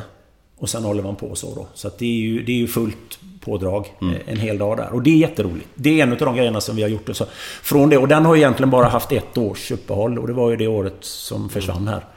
Med Corona och allt det här. Man behöver inte kunna spela golf eller? Utan, eller, eller är det liksom att... Det, det är bra om ni kan träffa bollen liksom. Ja, men lite grann är det så. Sen är det ju så då att eh, jag har ju blivit tillfrågad om jag ska vara med och spela varje år. Jag har ju inte grönt kort. Jag tycker inte... Eller jag spelar inte golf för att... Jag har så mycket annat i livet som jag vill hinna med. Som jag, jag älskar att flugfiska. Mm. Och jag hinner inte med det. Ska jag då skaffa mig en, en hobby till då som tar ännu mera tid och energi utav mig? Nej, det kände jag att det, det gör jag inte. Mm. Hur, hur kommer det sig? Flygfiske? Ja, men det, var kommer det ifrån? Alltså, jag menar, var ditt intresse kommer ifrån? Nej, det är egentligen jag och Mikael började ju fiska. Vi fiskade ju en hel del tillsammans. Eh, och sen så... Eh, har det bara blivit så. Och sen då för... Sen blev jag ju sjuk för några år sedan. Eh, men innan det så var jag uppe i Nordnorge. Vi flyger upp till Kiruna. Mm. Och så flyger vi helikopter därifrån ut på fjället. Eh, jag, Björn Blomqvist, gamla tränaren i Sävehof handboll. Mm. Och eh, Anders Lundmark. Eh, vi tre åker dit upp och är där i någonstans mellan 8 och 10 dagar. Ute på fjället. Finns det röding då eller? Röding, öring och harr. Ja. Men det är ju... Harr är inte de fina med de ryggfenorna? Ja, just det. Ja. Ja, Fantastiskt god fisk att äta och jätteroligt att fiska. Så att mm. Det gjorde vi under fem år. Eh, var jag med där uppe. Sen blev jag sjuk, fick leukemi och sen var jag faktiskt med för första gången nu i somras igen då. Mm. Och det var, det var som att komma hem. Jag har inte varit där uppe på 6-7 år. Och det, du vet, man kände igen varenda sten som man hade gått där uppe. Nu har ju... Jag tror Björn har varit där uppe i eh, 16 år. Mm. Och Anders har varit uppe i 25. Eh, på samma ställe då. Och det är skithäftigt är det. Och det är den här... Det, blir ju, det är ju ovanför trädgränsen så det finns ju inga träd där. Och det är ju midnattssol så att det blir ju aldrig mörkare än vad det är här nu. Men, Eh, men är det inte en jävla massa flugor och knott? Jo, men man, man vänjer sig faktiskt. Gör man det? Ja, man gör det. Jag trodde aldrig man gjorde det. Sen är det ju så naturligtvis, blåser det lite grann då är ju inte myggen där. Nej. Eh, Det, jag vet ju några gånger när vi har varit uppe och vandrat mellan sjöar och lite sådär. Man får hålla för munnen för man andas in eh, mygg. Det, då är det lite, då är- det är lite jobbigt. Ja, det är ingen höjdare. Men blir det en eh, bira eller två på, på en sån... Ja, faktiskt eh, så blir det det. Eh, Nu hade vi faktiskt med oss i år, hade vi med oss tre lock öl upp. Problemet är ju då att när vi flyger ut med helikoptern så släpper de oss på fjället för vi ska in på norska sidan. Och dit får de inte flyga. De får inte landa i Norge. Nej, okej. Och det har ingenting med Corona att göra utan bara det är bara Norge som säger nej. Och då får vi vandra ner. Då vill man inte släpa för mycket. Och då vill man inte släppa för mycket. Men nu gjorde vi det. Tog vi det beslutet att ha med oss tre lock öl. Och det var väl kanske lite väl mycket då. Gläd, gläd. De släpper ner dem, de sätter sig, blir dyngfulla för att de inte ska bära det. De dricker upp det första timmen. Ja, exakt. Ja, ja. Så gjorde vi ett år och då blev det egentligen fel för då skulle vi i alla fall flyga. Och då skulle vi fiska första två dygnen på svenska sidan. Och då tog vi med oss ett lock öl, några flaskor vin och lite sånt där då. Och så eh, släppte de oss på svenska sidan och så skulle vi, blev vi inblåsta. För det blåste ju så mycket så vi kom inte ut och kunde fiska. Så då drack vi upp alltihopa. Så skulle vi ju då dagen efter vandra en mil ner. Där vi skulle... Då var vi bakfulla som örnar. Och det var ingen rolig resa. Den, då, det var inte kul. Och då var det också så... In i helvete mycket mygg, ursäkta men... Det är, ju- det är ju just då man tänker där gin och tonic vid, vid halv två på natten. Det är då Mm. man inte ska ta det. Nej, och det, det gjorde vi. Vi, Ja. vi tänkte, nu ska vi vara smarta, nu dricker vi upp det här så slipper vi bära på skiten Ja, ja. imorgon då. Men det var ju inget smart. Man fick bära det på ett annat sätt bara. Men du, har du, har du testat eh, vinterfiske med bara hål och grejer? Ja, men det var länge sedan. Nej, det är inte, det är inte samma sak. Jo, ja, men det, det är jättetrevligt det också. det är bara att det är jävligt kallt. Jo, Men är det inte... eh, Nu är vi 30 då va? Mm. Vad har vi först? Har vi det på lördag eller? Eller är det? Jag Nej, är ju så imorgon, jävla va? dålig. 29 var igår. Ja, hur många dagar har... Har den bara 30 september? Ja, det är det väl va? Är det Augusti har 31. Ja. ja. Är det sista dagen idag fiskar nu då? Lax och öring och sånt? Ja, det är det säkert om man ska fiska eh, havsöring och sånt ja. Det är sista dagen Ja, jag tror det. Jag tror att det är så. Jag är inte... Grejen är det att jag visst, jag bor inte så jättelångt ifrån vattnet men jag, jag hinner inte. Nej, nej. Det, det är så mycket annat man ska hinna med. Men den stunden när man står där. Du gillar ju då flugfiske då. Att du drar spöet fram och tillbaka. Försöker hitta fisken. Hoppas den ska nappa just på den flugan du har bundit för den eh, eh, fisketillfället. Alltså när man står där och eh, inget annat existerar. Nej. Man är bara där och då. Ihop med fisken. Det är, har ni inte provat det och inte fått den känslan, då har ni gått miste om något säger jag. Ja, det är så- magiskt. Ja, det är det faktiskt. Och det kan vara lika trevligt att sitta vid en, eh, en sjö med ett metspö på en Oh, brygga. ja. Där det ändå inte finns någon fisk. När man, när man ser flötet Ja, man, där. ser, man sitter där, men Ja. det är avkopplande. Du sitter inte med din telefon. Du, du ringer inte någon, utan du, ser- det är bara du och ditt spö. Ja. Det, är, det är faktiskt... eh, Det är jävligt skön känsla faktiskt. Men är det, det, det, det är naturligtvis olika, men, men... Är det oftare att man får en jävla massa fisk eller är det oftare att man inte får ett skit? Äh, När, där uppe där vi fiskar. Så eh, vi tar ju aldrig med oss någon fisk hem. Nej, det funkar inte. För Nej, du, ska, du ska bära den då upp till... eh, Och så ska den vara nedfryst och sådär. Så Men vi äter ju fisk varje dag. Och vi, vi plockar upp det vi ska äta, det, det tar vi upp. Resten släpper vi tillbaks. Ja. Och det är... Vi får fisk varje dag. Och det är mycket fisk, får man säga. Förhållandevis.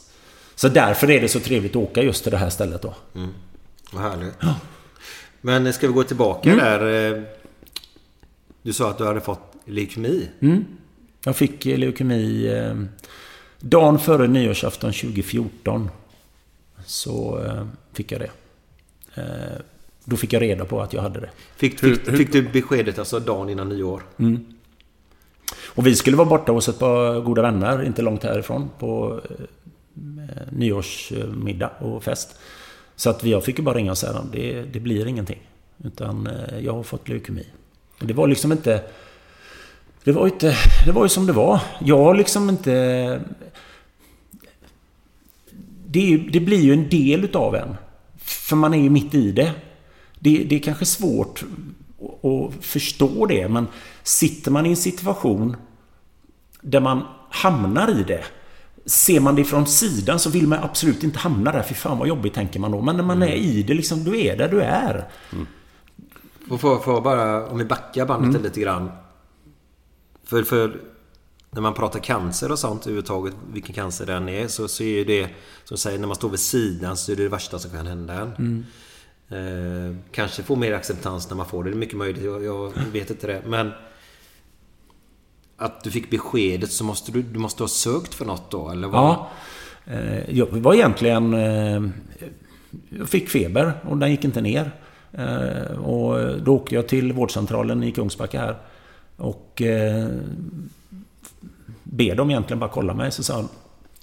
Ja, det är ingen fara med dig. Jag fick... eh, De trodde jag hade någon halsfluss eller något sånt där. Så jag fick någon form av antibiotika. Och så fick jag åka hem. Och- Vart, vart är vi nu i tidsmässigt? Ja, detta är juldagen då. Jaha. Så att det är bara några dagar innan innan eh, nyår där. Så eh, får jag någon form av antibiotika eh, och åker hem. Och de gångerna som jag har fått det tidigare antibiotika så då tar det två dagar och så är febern borta. Men jag åt ju den här och det hände ju ingenting. Det gick ju liksom inte ner. Och då åkte jag till tillbaks efter några dagar då och sa att det här funkar inte. Och då, då fick jag tag på en läkare där som, som var... Ja, jag tror, sa han, men jag kan inte... Jag tror att du har lunginflammation. Eh, Men jag vill att du åker ner till eh, Varberg nu på en gång. Och, eh, för vi kan inte göra de testerna som krävs, kan inte vi göra här. Så jag fick åka ner till Varberg då.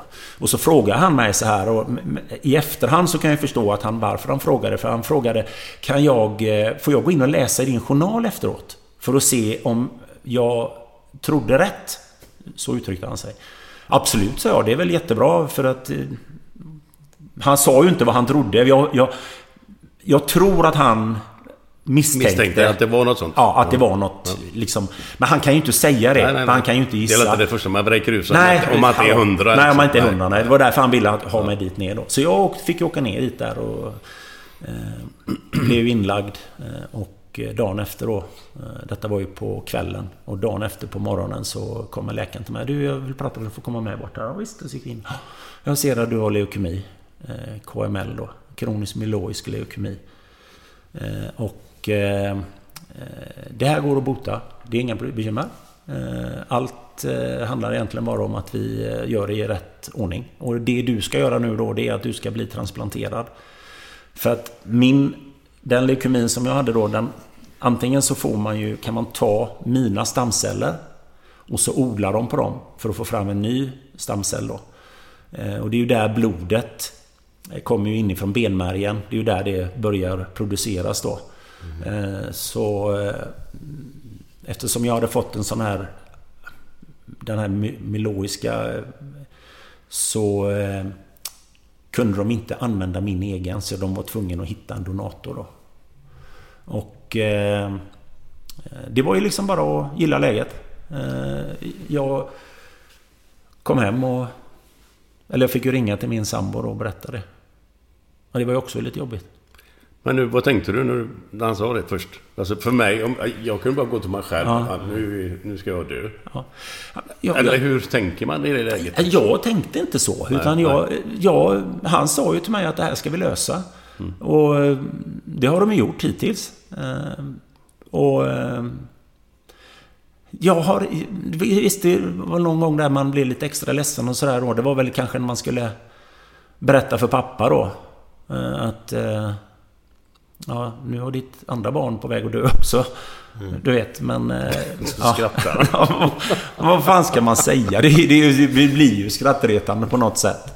Och eh, jag sa det till pappa att... eh, För jag fick ju möjligheten att vara med på den här... eh, Cancergalan. Jag och Patrik Sjöberg eh, var där uppe. Och pratade om det här då. Då var vi med på morgon-tv där först och då sa jag till dem där på TV4 morgon att jag har lovat min pappa att han inte ska överleva bägge sina barn. Och det har ju, klarar vi. Han gick ju bort här för några par år sedan. Och, Eh, för det, det är inte... Nu har jag ju inga egna barn, vad jag vet. Eh, nej. Och är det så att det knackar på dörren så hoppas vi att den som knackar på dörren är över 35 år, för annars ligger jag jävligt risigt till. Eh, Men någonstans är det så att... Eh, eh, Man... man nej, jag vet inte. Det, det, Men hur, hur, hur har den perioden varit rent sådär? Man hör ju när folk går, genomgår behandlingar för cancer och sånt där, att de mår jävligt dåligt och Mm. de tappar hår och det är det ena Ja, ja. och det andra. Hade du något sånt eller? Absolut. Eh, Jag eh, tappade... Grejen var att jag skulle åka in någon gång redan i april och få nya stamceller då. Och få cellgifter. Eh, Och då hade jag halvlångt hår. Och jag sa det till Karin, nu rakar vi av skiten. Nej men det kan du inte göra ännu. Jo, vi rakar av det nu. Så då gick jag in och rakade av med det. Allt utom mitten då, så jag hade en tuppkam. Ja, jag såg någon bild här. Var det den ja, som hängde det är de där ja. Så då gjorde vi dem. Fuck cancer. Eh, och... Eh, men sen då när jag hade rakat av mig håret jag kommer in till sjukhuset så sa jag Vi har inte hittat någon donator här, du får vänta. Så vi rakade jag av håret ett halvår innan jag behövde det egentligen. Men det gjorde ingenting för att... Eh, det blev som det blev. Men då det blev det så. Håret trillade av. Mådde du dåligt också? Ja, ja, fruktansvärt. Rent kroppsligt liksom? Ja, rent. Du vet, från att man har tränat varje dag eh, till att man blir andfådd och när man borstar tänderna med en hel tandborste. Jag fick liksom mjölksyra i underarmen för jag, när jag skulle hålla tandborsten. Då är man inte... Då var jag inte tuff. Eh, och det var ju liksom... Det var, det var en pers. Det var det. Men... Eh, Hur lång tid, hur lång är perioden då från när du får reda på det till, tills du är okej? liksom, det, det är bra igen? Ett, jag får ju reda på det vid nyårsskiftet. Och jag tror att ett år senare, eh, när Cancergalan var, då var jag ju uppe på benen igen då. Eh, men jag var ju, var ju långt ifrån bra. Jag hade ju ingen, ingen eh, fysik för att göra någonting egentligen. Får jag bara fråga en fråga Mm. angående donator där? vad, vad, du kan inte göra på dina egna. Nej. Men vad är det de letar efter då? Vad, Det ska ju vara en, en, en donator när det där. Det är ju någonting som heter Tobias-registret. Det är ju ett svenskt register från början. En kille som heter Tobias. eh, Han hade leukemi och hans föräldrar startade för han, han överlevde inte då. Och där är det så att man kan man anmäla sig då och vara med i Tobias-registret då. Så det uppmanar jag verkligen folk att göra då. För att det, det hjälper verkligen. så alla kan vara med i detta Ja, upp till man är 35 tror jag det är. Mm. Eh, eh, och som de sa till mig då, du är eh, man, du är eh, vit och du är från norra Europa. Du har väldigt stora chanser att hitta en donator till dig. Och det tog inte mer än... Jag tror jag fick de nya stamcellerna den 8 maj. Eh, på Sahlgrenska då. Man, man vet inte vem det är man Nej, får det från. Eller det- om man vill ha reda på det, får man, kan man göra det? Jag kan få, om, om det är så att de vill media, jag har, inte, jag har valt att inte ta Nej, reda nej, på vem nej. det är. Och, och det är tydligen, vad jag vet i alla fall, så var det en tysk. Tyskland har ett jättestort Tobias-register då, men de är ju 80-90 miljoner i Tyskland, så det finns ju en del. Och de är väldigt så... Så där var därifrån jag fick de här eh, nya stamcellerna då. Men den, alltså... Eftersom vem som helst kan gå in i detta Mm. registret då. Så, så är det, då plockar de ut stamceller från den människan då. Ja, de, de vet om att du finns med. Ja. Och sen så utvinner Så matchar de då. vi. Ja, och så matchar vi då. För det är ju, Ja, okej. det är inte bara blodgruppen. De, de, de, blir ju, de spesar ju ner det på ännu, vad ska man säga, djupare. Ja, Ja, Men först och främst är det väl blodgruppen då som ska stämma överens. Men är det, hur är liksom... Vad ska man säga? Hur stor är risken, eller chansen, att man kan få tillbaka det? Ja, eh, den Eller finns det- ju där. Den, den, den ligger där liksom Ja, latent, absolut. att- Ja, att- så som jag har fått det det, kan- förklarat för mig då. Men sen är det ju så då att man, de säger då att man ska bli friskförklarad efter fem år. Men det blir man ju liksom inte. Eh, Utan du kan vara, kan vara symptomfri eller du inte har det då. Men eftersom jag är transplanterad så ska jag tydligen då fortsatt få eh, kontroller en gång om året då. Mhm. Att de tar in mig och så ser de att mina värden är okej. Och eh, det ju innebar ju bland annat då att jag fick ju vaccinet mot Corona fick jag ju redan i... Ja, just det. Ja, jag fick det väldigt tidigt då. Och då ingick man ju i en... Ska inte ni få tredje sprutan också nu? Jo, det kan nog hända. Men det var väl om man... Jag läste lite om det och då skulle det vara så att... Då skulle man vara transplanterad inom tre år. Ja, Okej, okej. Men, Så att jag, jag hamnar väl i någon, någon form av grupp där jag ska få min tredje, min tredje spruta också då. Men då fick man ju i alla fall ingå i en, i en grupp där för transpersoner heter det inte va? Transplanterade, transplanterade personer. Eh, så där var jag i alla fall då. Jag ingick i den gruppen där då. Så att då fick jag ju det. Så, och det är ju på gott och ont då naturligtvis. Så att, eh, Men finns det någonting som man bör tänka på när man har haft detta eller har detta? Eller, jag menar vad man äter, vad man dricker eller, eller kan, man kan inte leva nu. hur fan som Nu helst. kan jag leva som Ja, vanligt. ja. Eh, Men i början så skulle man ju vara lite försiktig då. Jag hade ju turen kan man väl säga att jag var som lägst då när jag hade fått cellgifter och man var ju isolerad då. Jag tror det var 17 eller 18 dagar som jag var helt isolerad på Sahlgrenska då. På ett eget rum. Ehm, eh, och när jag kom hem därifrån, då var det ju sommar om man säger så. För att det var i början på juni då. Eh, och det innebar ju att när man umgicks med människor så gjorde man det utomhus. Det är väl lite grann som det är nu då. eh, Med Corona. Att under sommaren så blir det inte så mycket smitta för folk umgås utomhus. De är inte instängda i trånga utrymmen. Eh, och det var väl samma sak som de sa till mig då. Att Du får gärna umgås med människor men sitt inte inne i, i, i små trånga utrymmen med massa människor. För får du en infektion, en vanlig snuva kan ju vara ödesdigert. Eh, Så att det var väl ungefär det jag fick med mig då. Eh, Och det gjorde ju att jag hade ju möjligheten att fortfarande ha folk hemma. Vi, var, vi hade ofta folk här. Vi gick aldrig någon annanstans. Utan vi var hemma, vi umgicks på utsidan. Och när jag blev trött och inte orkade längre kunde jag gå in och lägga mig. Och så är det fortfarande idag faktiskt. Jag känner det att... Eh, Hur, hur vi, vi pratade förut, kanske vi gjorde när vi käkade din goda pasta, sallad eller vad vi ska Mm. Ja. kalla det för något. Eh, supergod var den. Eh, då pratade vi om att hur folk beter sig då när Mikael har tagit Mm. livet av sig. Att folk kanske tog en omväg för det var jobbigt att prata om. Mm. Hur var det när, när du hade fått cancer med dina nära och kära? Alltså vänner, lite ytligare vänner och sånt. Hörde folk av sig eller var de... Ja, det gjorde de. Eh, Jag, samma, jag gjorde... eh, När, när, när jag fick reda på att jag hade leukemin, då ville jag verkligen vara noga med att alla mina i närheten skulle få reda på att så här ligger det till. Eh, och jag ringde runt till alla jag kunde tänka mig. Och sen så skrev jag på Facebook. Så här är det. Jag har inte varit på Facebook, som jag är nästan dagligen annars. Eh, så skrev jag att eh, jag har fått leukemi, men jag ska snart ta mig ur det här ungefär. Och jag fick ju jättemycket positivt och kärlek. Det har aldrig varit något negativt där. Och jag tror att det är samma sak där. Man, håller man det inom sig så blir det inte bra. För då går du och ältar. Så, "Ja, ska jag inte överleva det här nu? Och så börjar man tänka. "Ja, Vad ska jag göra med den? Ska jag, ska jag huset? Du vet, ja, du vet, det blir massa sådana negativa grejer. Och Då tror jag att det är bättre att prata om det. Ja, jag tycker du är stark alltså. Jag är imponerad skulle du veta. Ja, Mäktigt. Jag vet, när, ja. du, när, du, eh, när du satt där uppe första gången, säger vi, eller första gångerna där på sjukhuset och skulle Mm. få den här. Såg du en jävla massa skit då? Eller med annat folk som var jävligt dåliga? Ja, det var ju så. Det var ju så. Man är ju... Man, det, man är ju på en avdelning där det är mycket sjukdom då. Eh, och det var ju alla åldrar. Och det var ju egentligen det som var det jobbiga då. Med yngre- Alltså, ja, yngre då.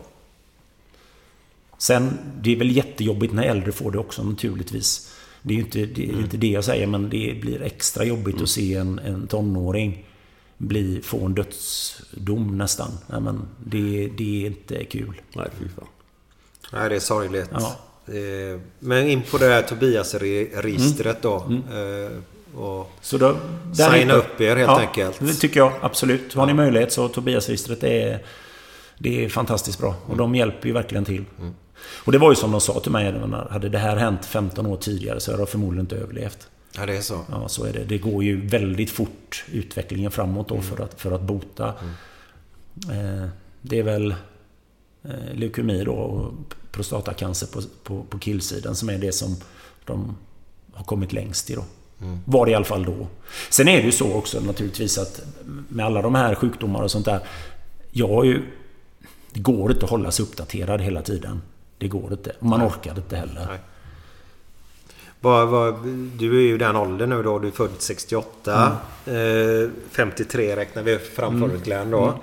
Eh, har, du, har du kollat prostatan? Nej. Men jag går ju och kollar så att de kollar ju. Men jag har inte gjort det så. Nej. Jag fick hem en brev nu. Jag Ja. tror man bara ska lämna blod nämligen. Ja. Och det var det som Bert Karlsson tjatade om då. Mm. Det, du kan ha...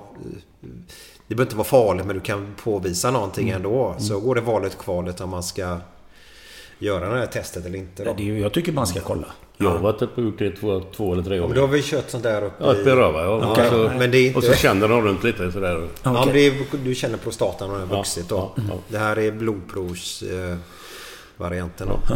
Eh, ja, vi får se vad det tar vägen. Men om vi går tillbaka. Alltså jag blir jätteberörd ska du veta. Eh, men ska vi gå tillbaka till Minnesfonden. Mm. Brukar ni ha även ett stort kalas på kvällen? Ja.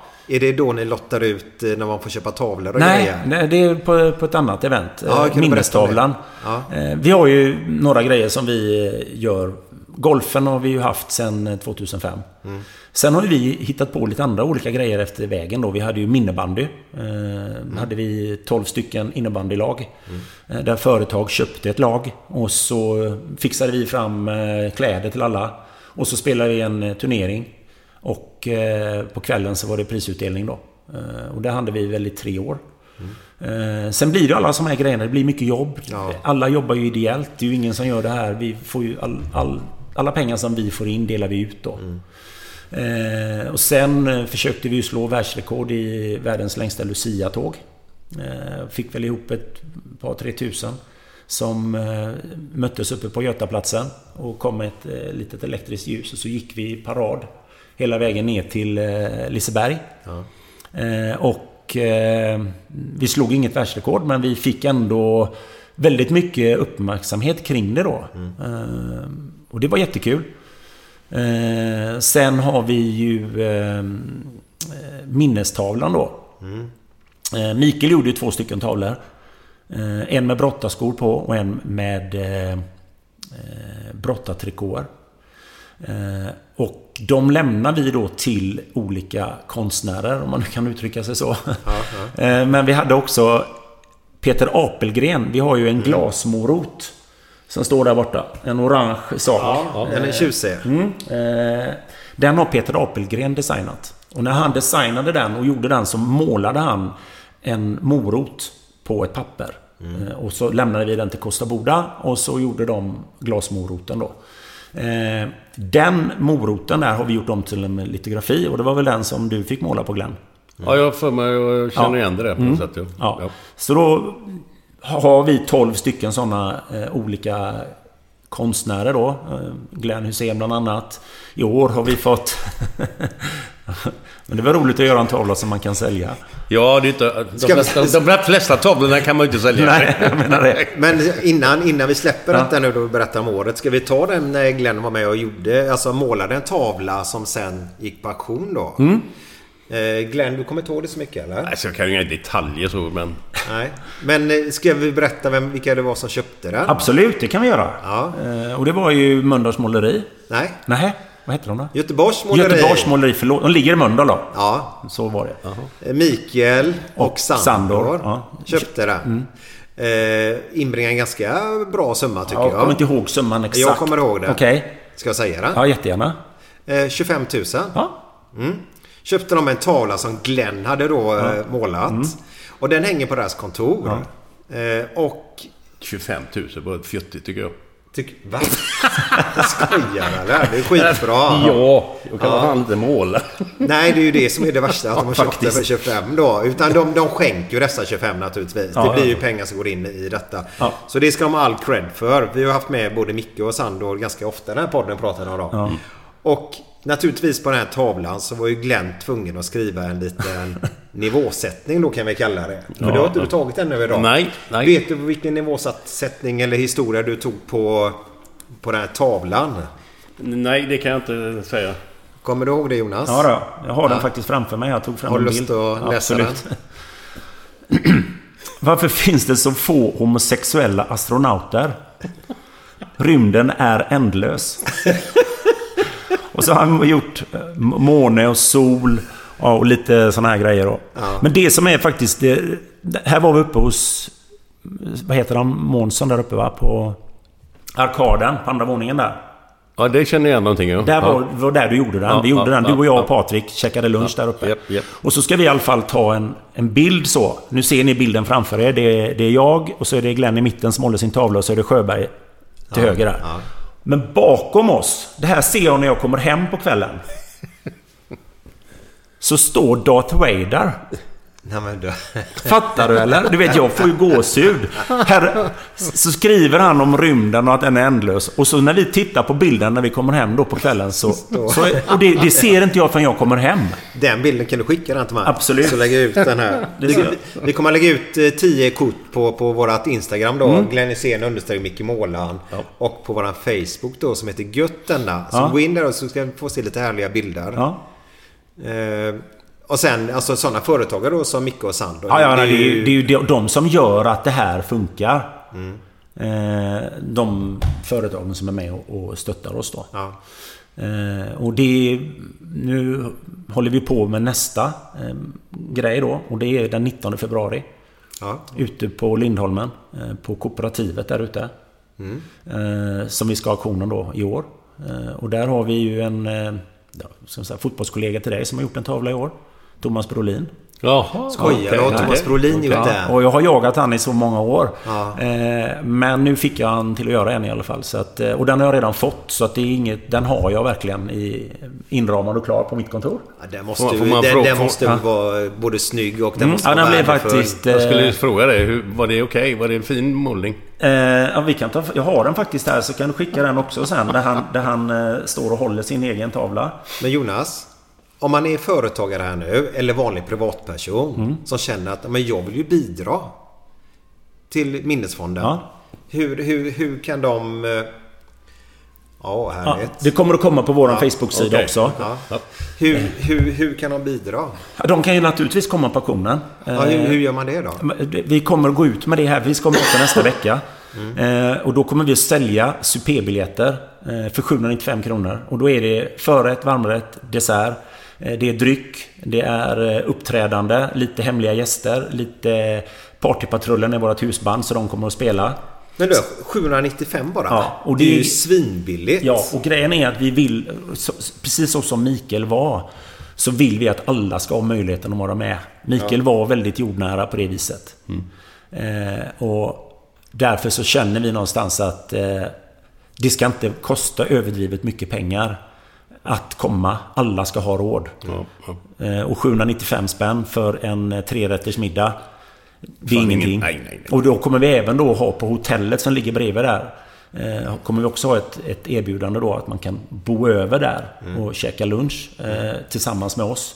Som man också då kan köpa till då. Så det kommer att bli ett paketpris där med eh, supébiljett, lunchbiljett och eh, hotellövernattning då. Och alla de priserna och sånt kommer att ligga på hemsidan. Men det, kommer, det är självkostnadspriser. För vi ser någonstans så att vi vill att det ska komma de här... Förra året var vi 370 personer. Vi hoppas att vi även i år ska kunna vara någonstans runt där.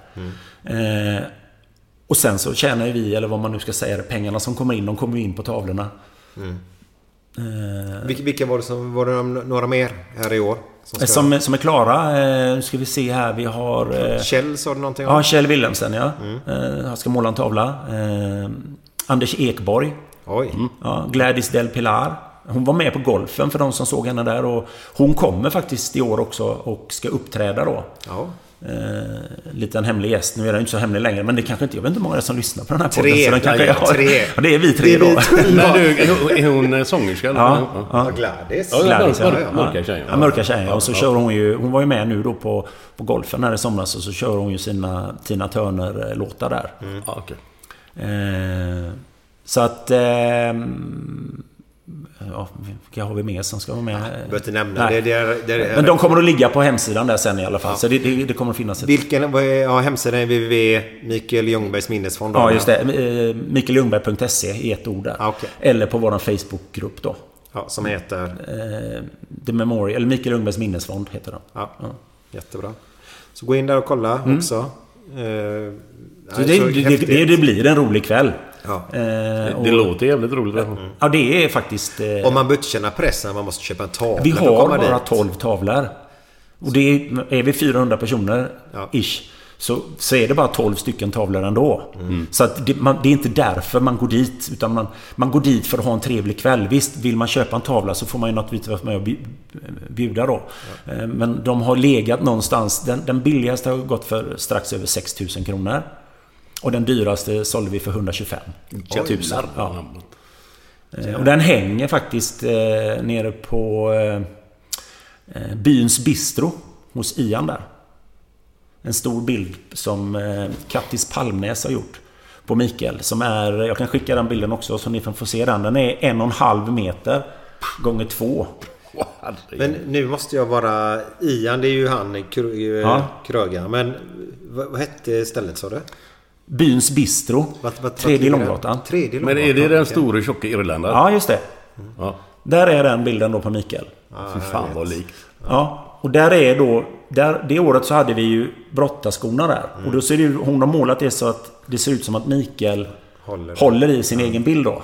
Ja, ja, ja, ja, ja, ja för fan. Mm. Så att... Eh, jag skickar den så får du lägga ut den om du vill där också. Grymt. Eh, Glenn, Ja. har, du lite nivåsättning? Ja, det blir ju svårare och svårare men... Jo, jo. Ja, men vi tar den här tycker jag. Pappa, kan du hjälpa mig med matten? Ja, vad, vad kan jag göra för något? Ja, vi ska hitta den gemensamma nämnaren. Va? Har ni inte hittat den jäveln ännu? Den letar vi också efter när vi gick i skolan.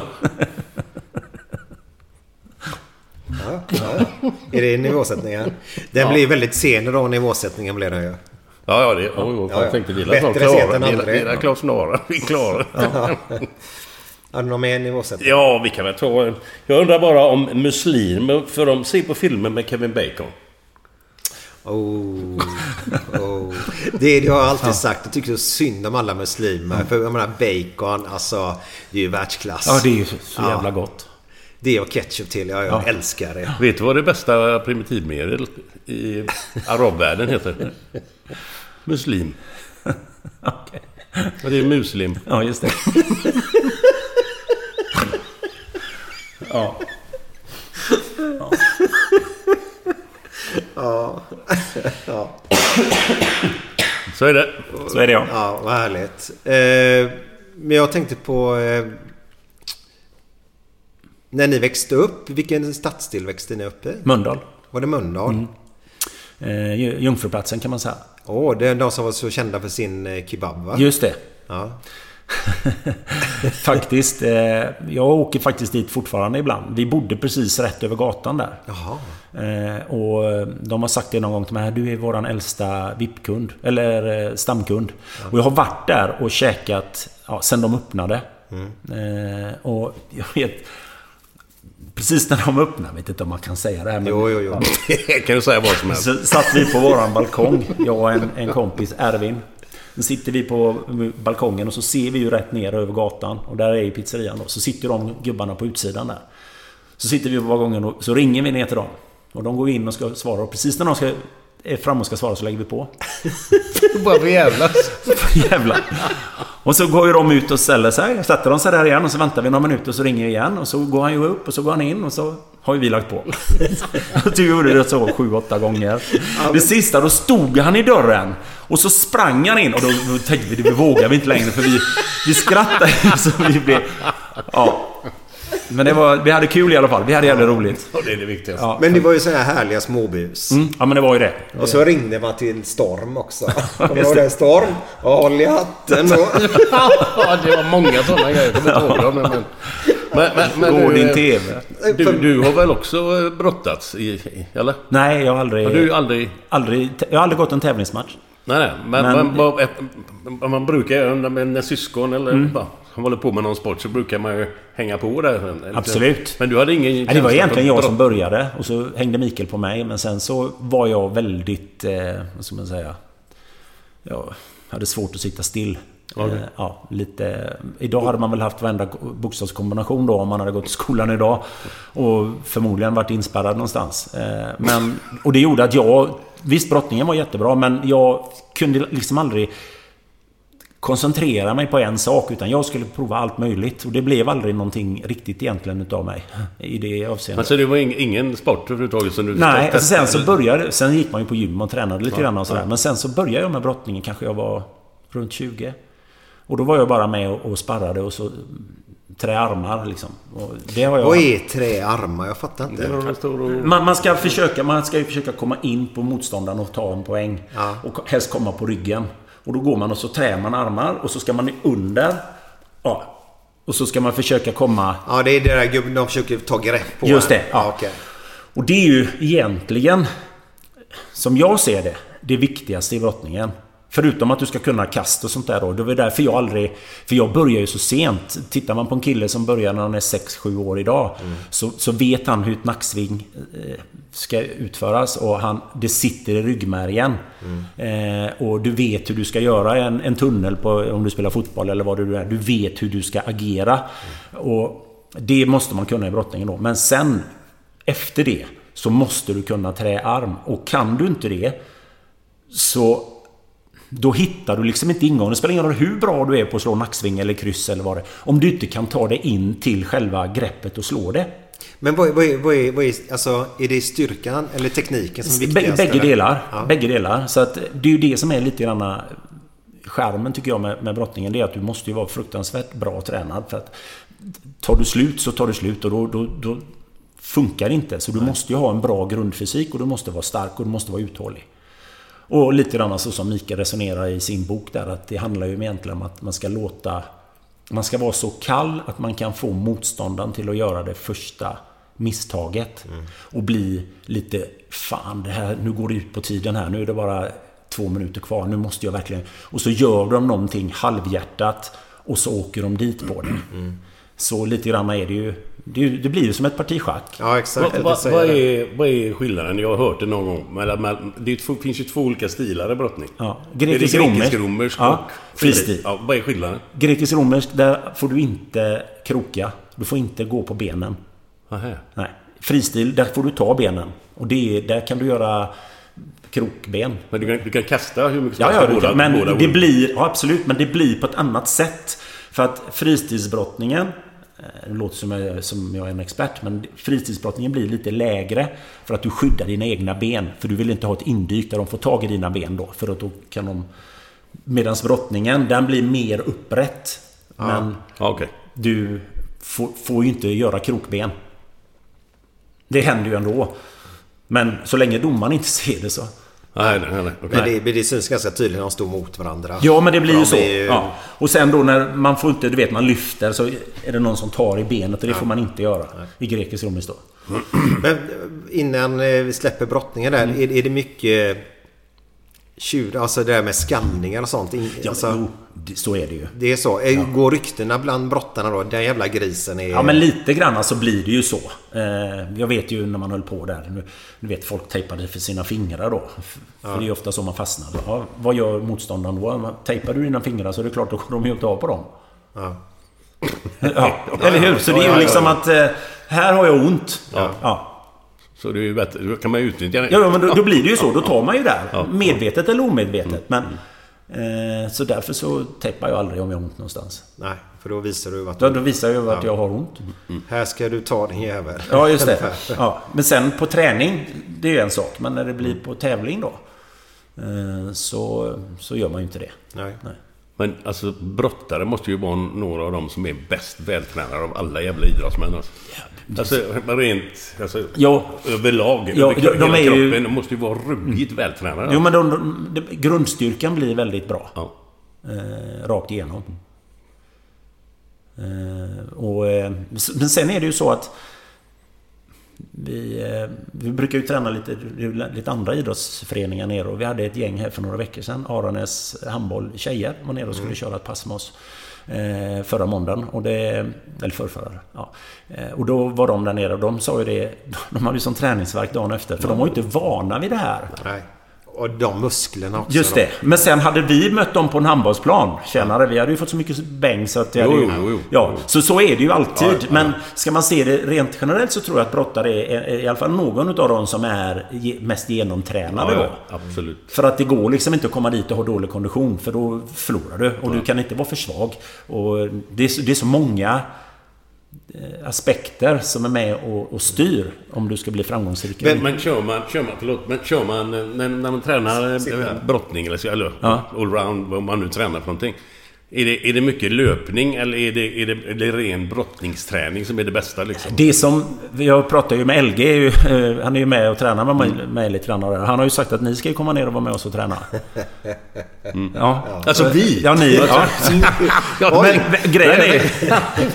så, så att eh, vi ser fram emot det. Och eh, Ja. det kommer att komma bilder på det också. Ja, va? Ja. ja men det var kul Eh. att träna, k- kolla på det så man vet hur jävla... Nej men det, grejen är att när vi tränar nu då. Vi börjar ju med det här då. Vi kallar oss vi som satsar. Det var för att vi tränar mer än de som satsar. Och då är det liksom lite grann för att, att väcka lite grann. Fan, det, det går inte att bli bäst i världen. Eller bäst i Sverige. Om du inte tränar. Nej. Så enkelt är det. Och jag menar, bli, ska du bli den bästa fotbollsspelaren i världen så måste du... Du, du kan ju inte sitta hemma och spela FIFA. Nej, det Nej, utan du måste ju du måste ju verkligen ut och göra någonting. Och ska du bli bäst så kanske du ska sparka insparka två timmar efter träningen varje dag. Till slut så sitter det där och då är det lite grann som jag sa förut. Då sitter det i ryggmärgen. Du vet hur du ska göra. Du vet vad du ska... Och du hamnar inte bland dem i ett landslag om du inte har tagit åt dig den hårda träningen som det innebär.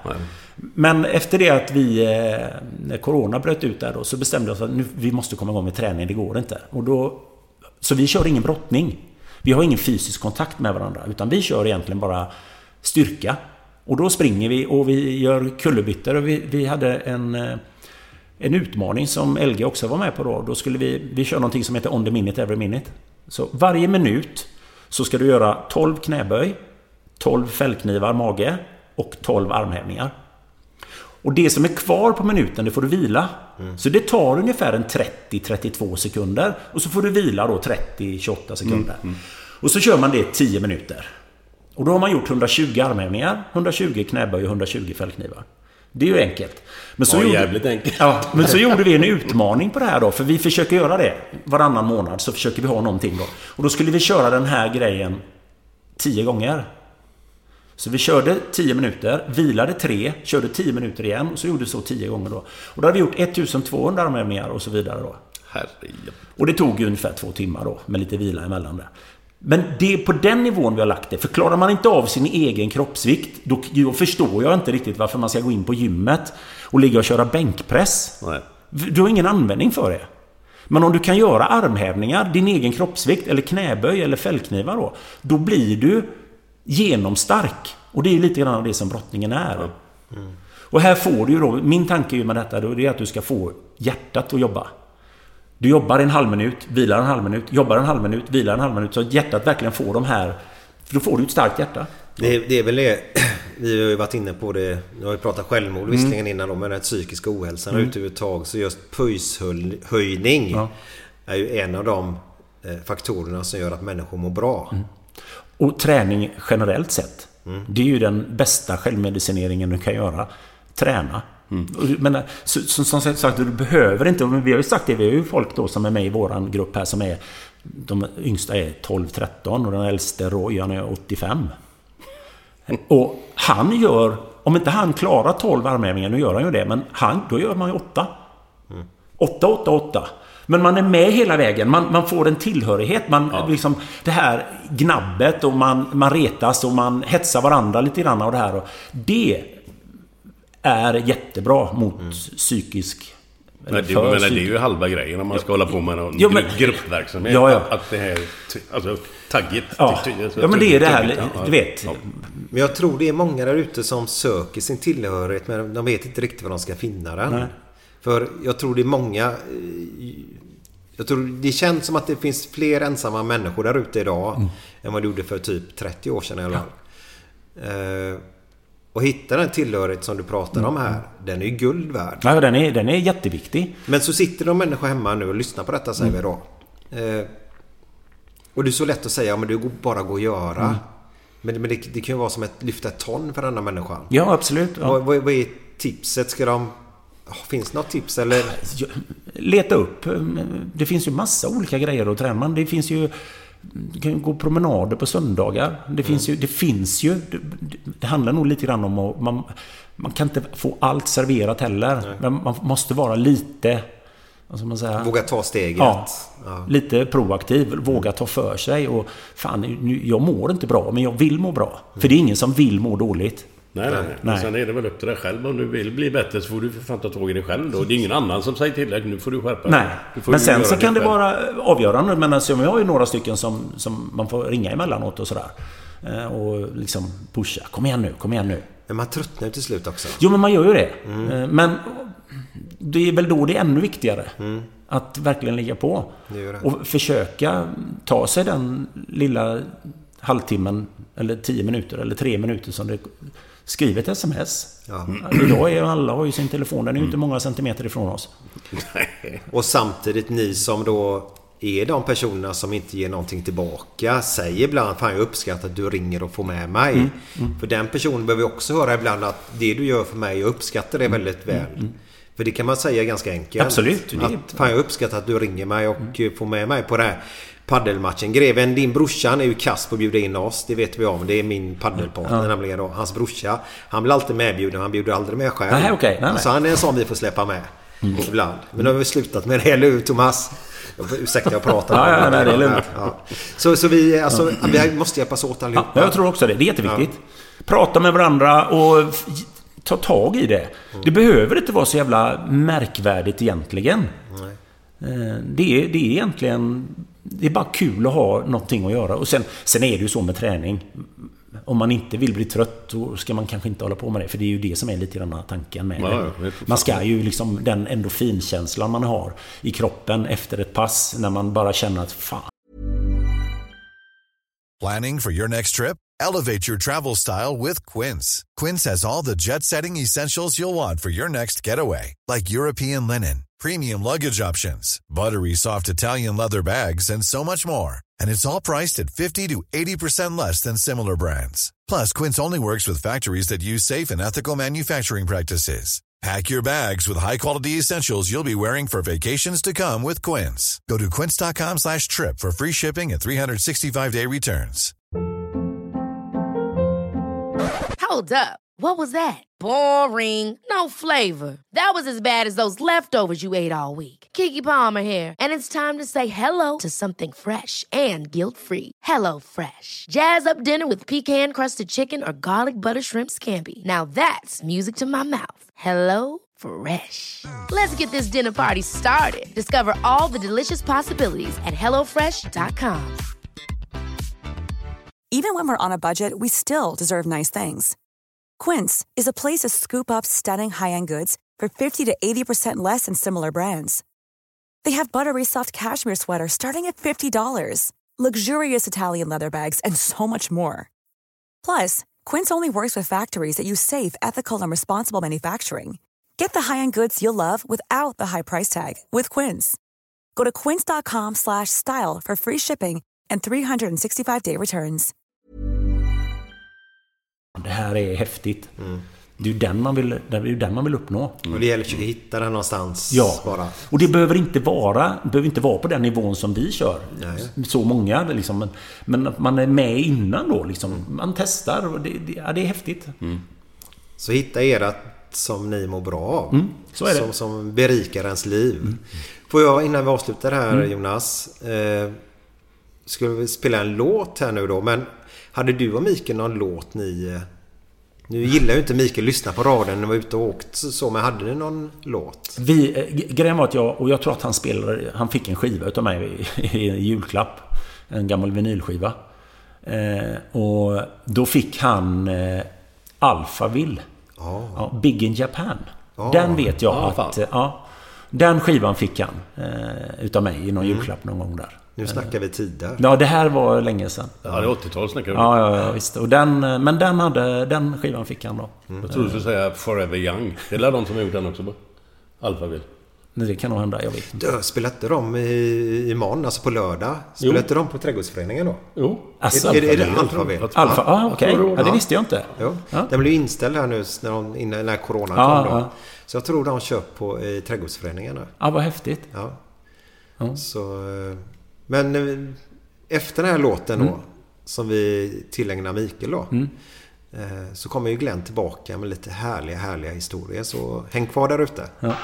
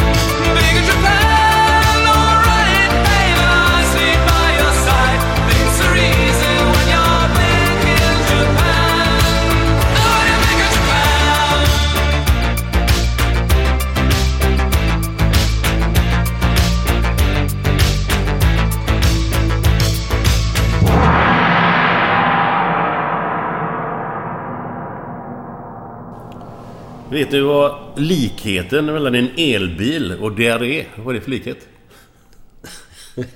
Nej. Ångesten över att inte hinna hem. Det var ju bra. ja, den är hemsk Göran. Var inte, var inte så jävla optimistisk. Ljuset i tunneln kan vara ett tåg.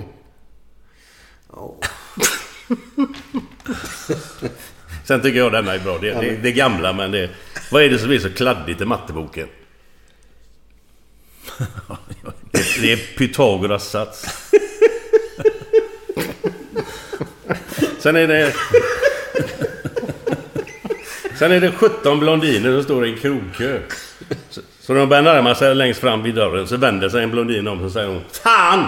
Man måste vara 18 för att komma in. Ja. Så är det med det. Så är det med det ja. Tack, tack. Ha det så gött. Ha det gött. Hej, hej, hej.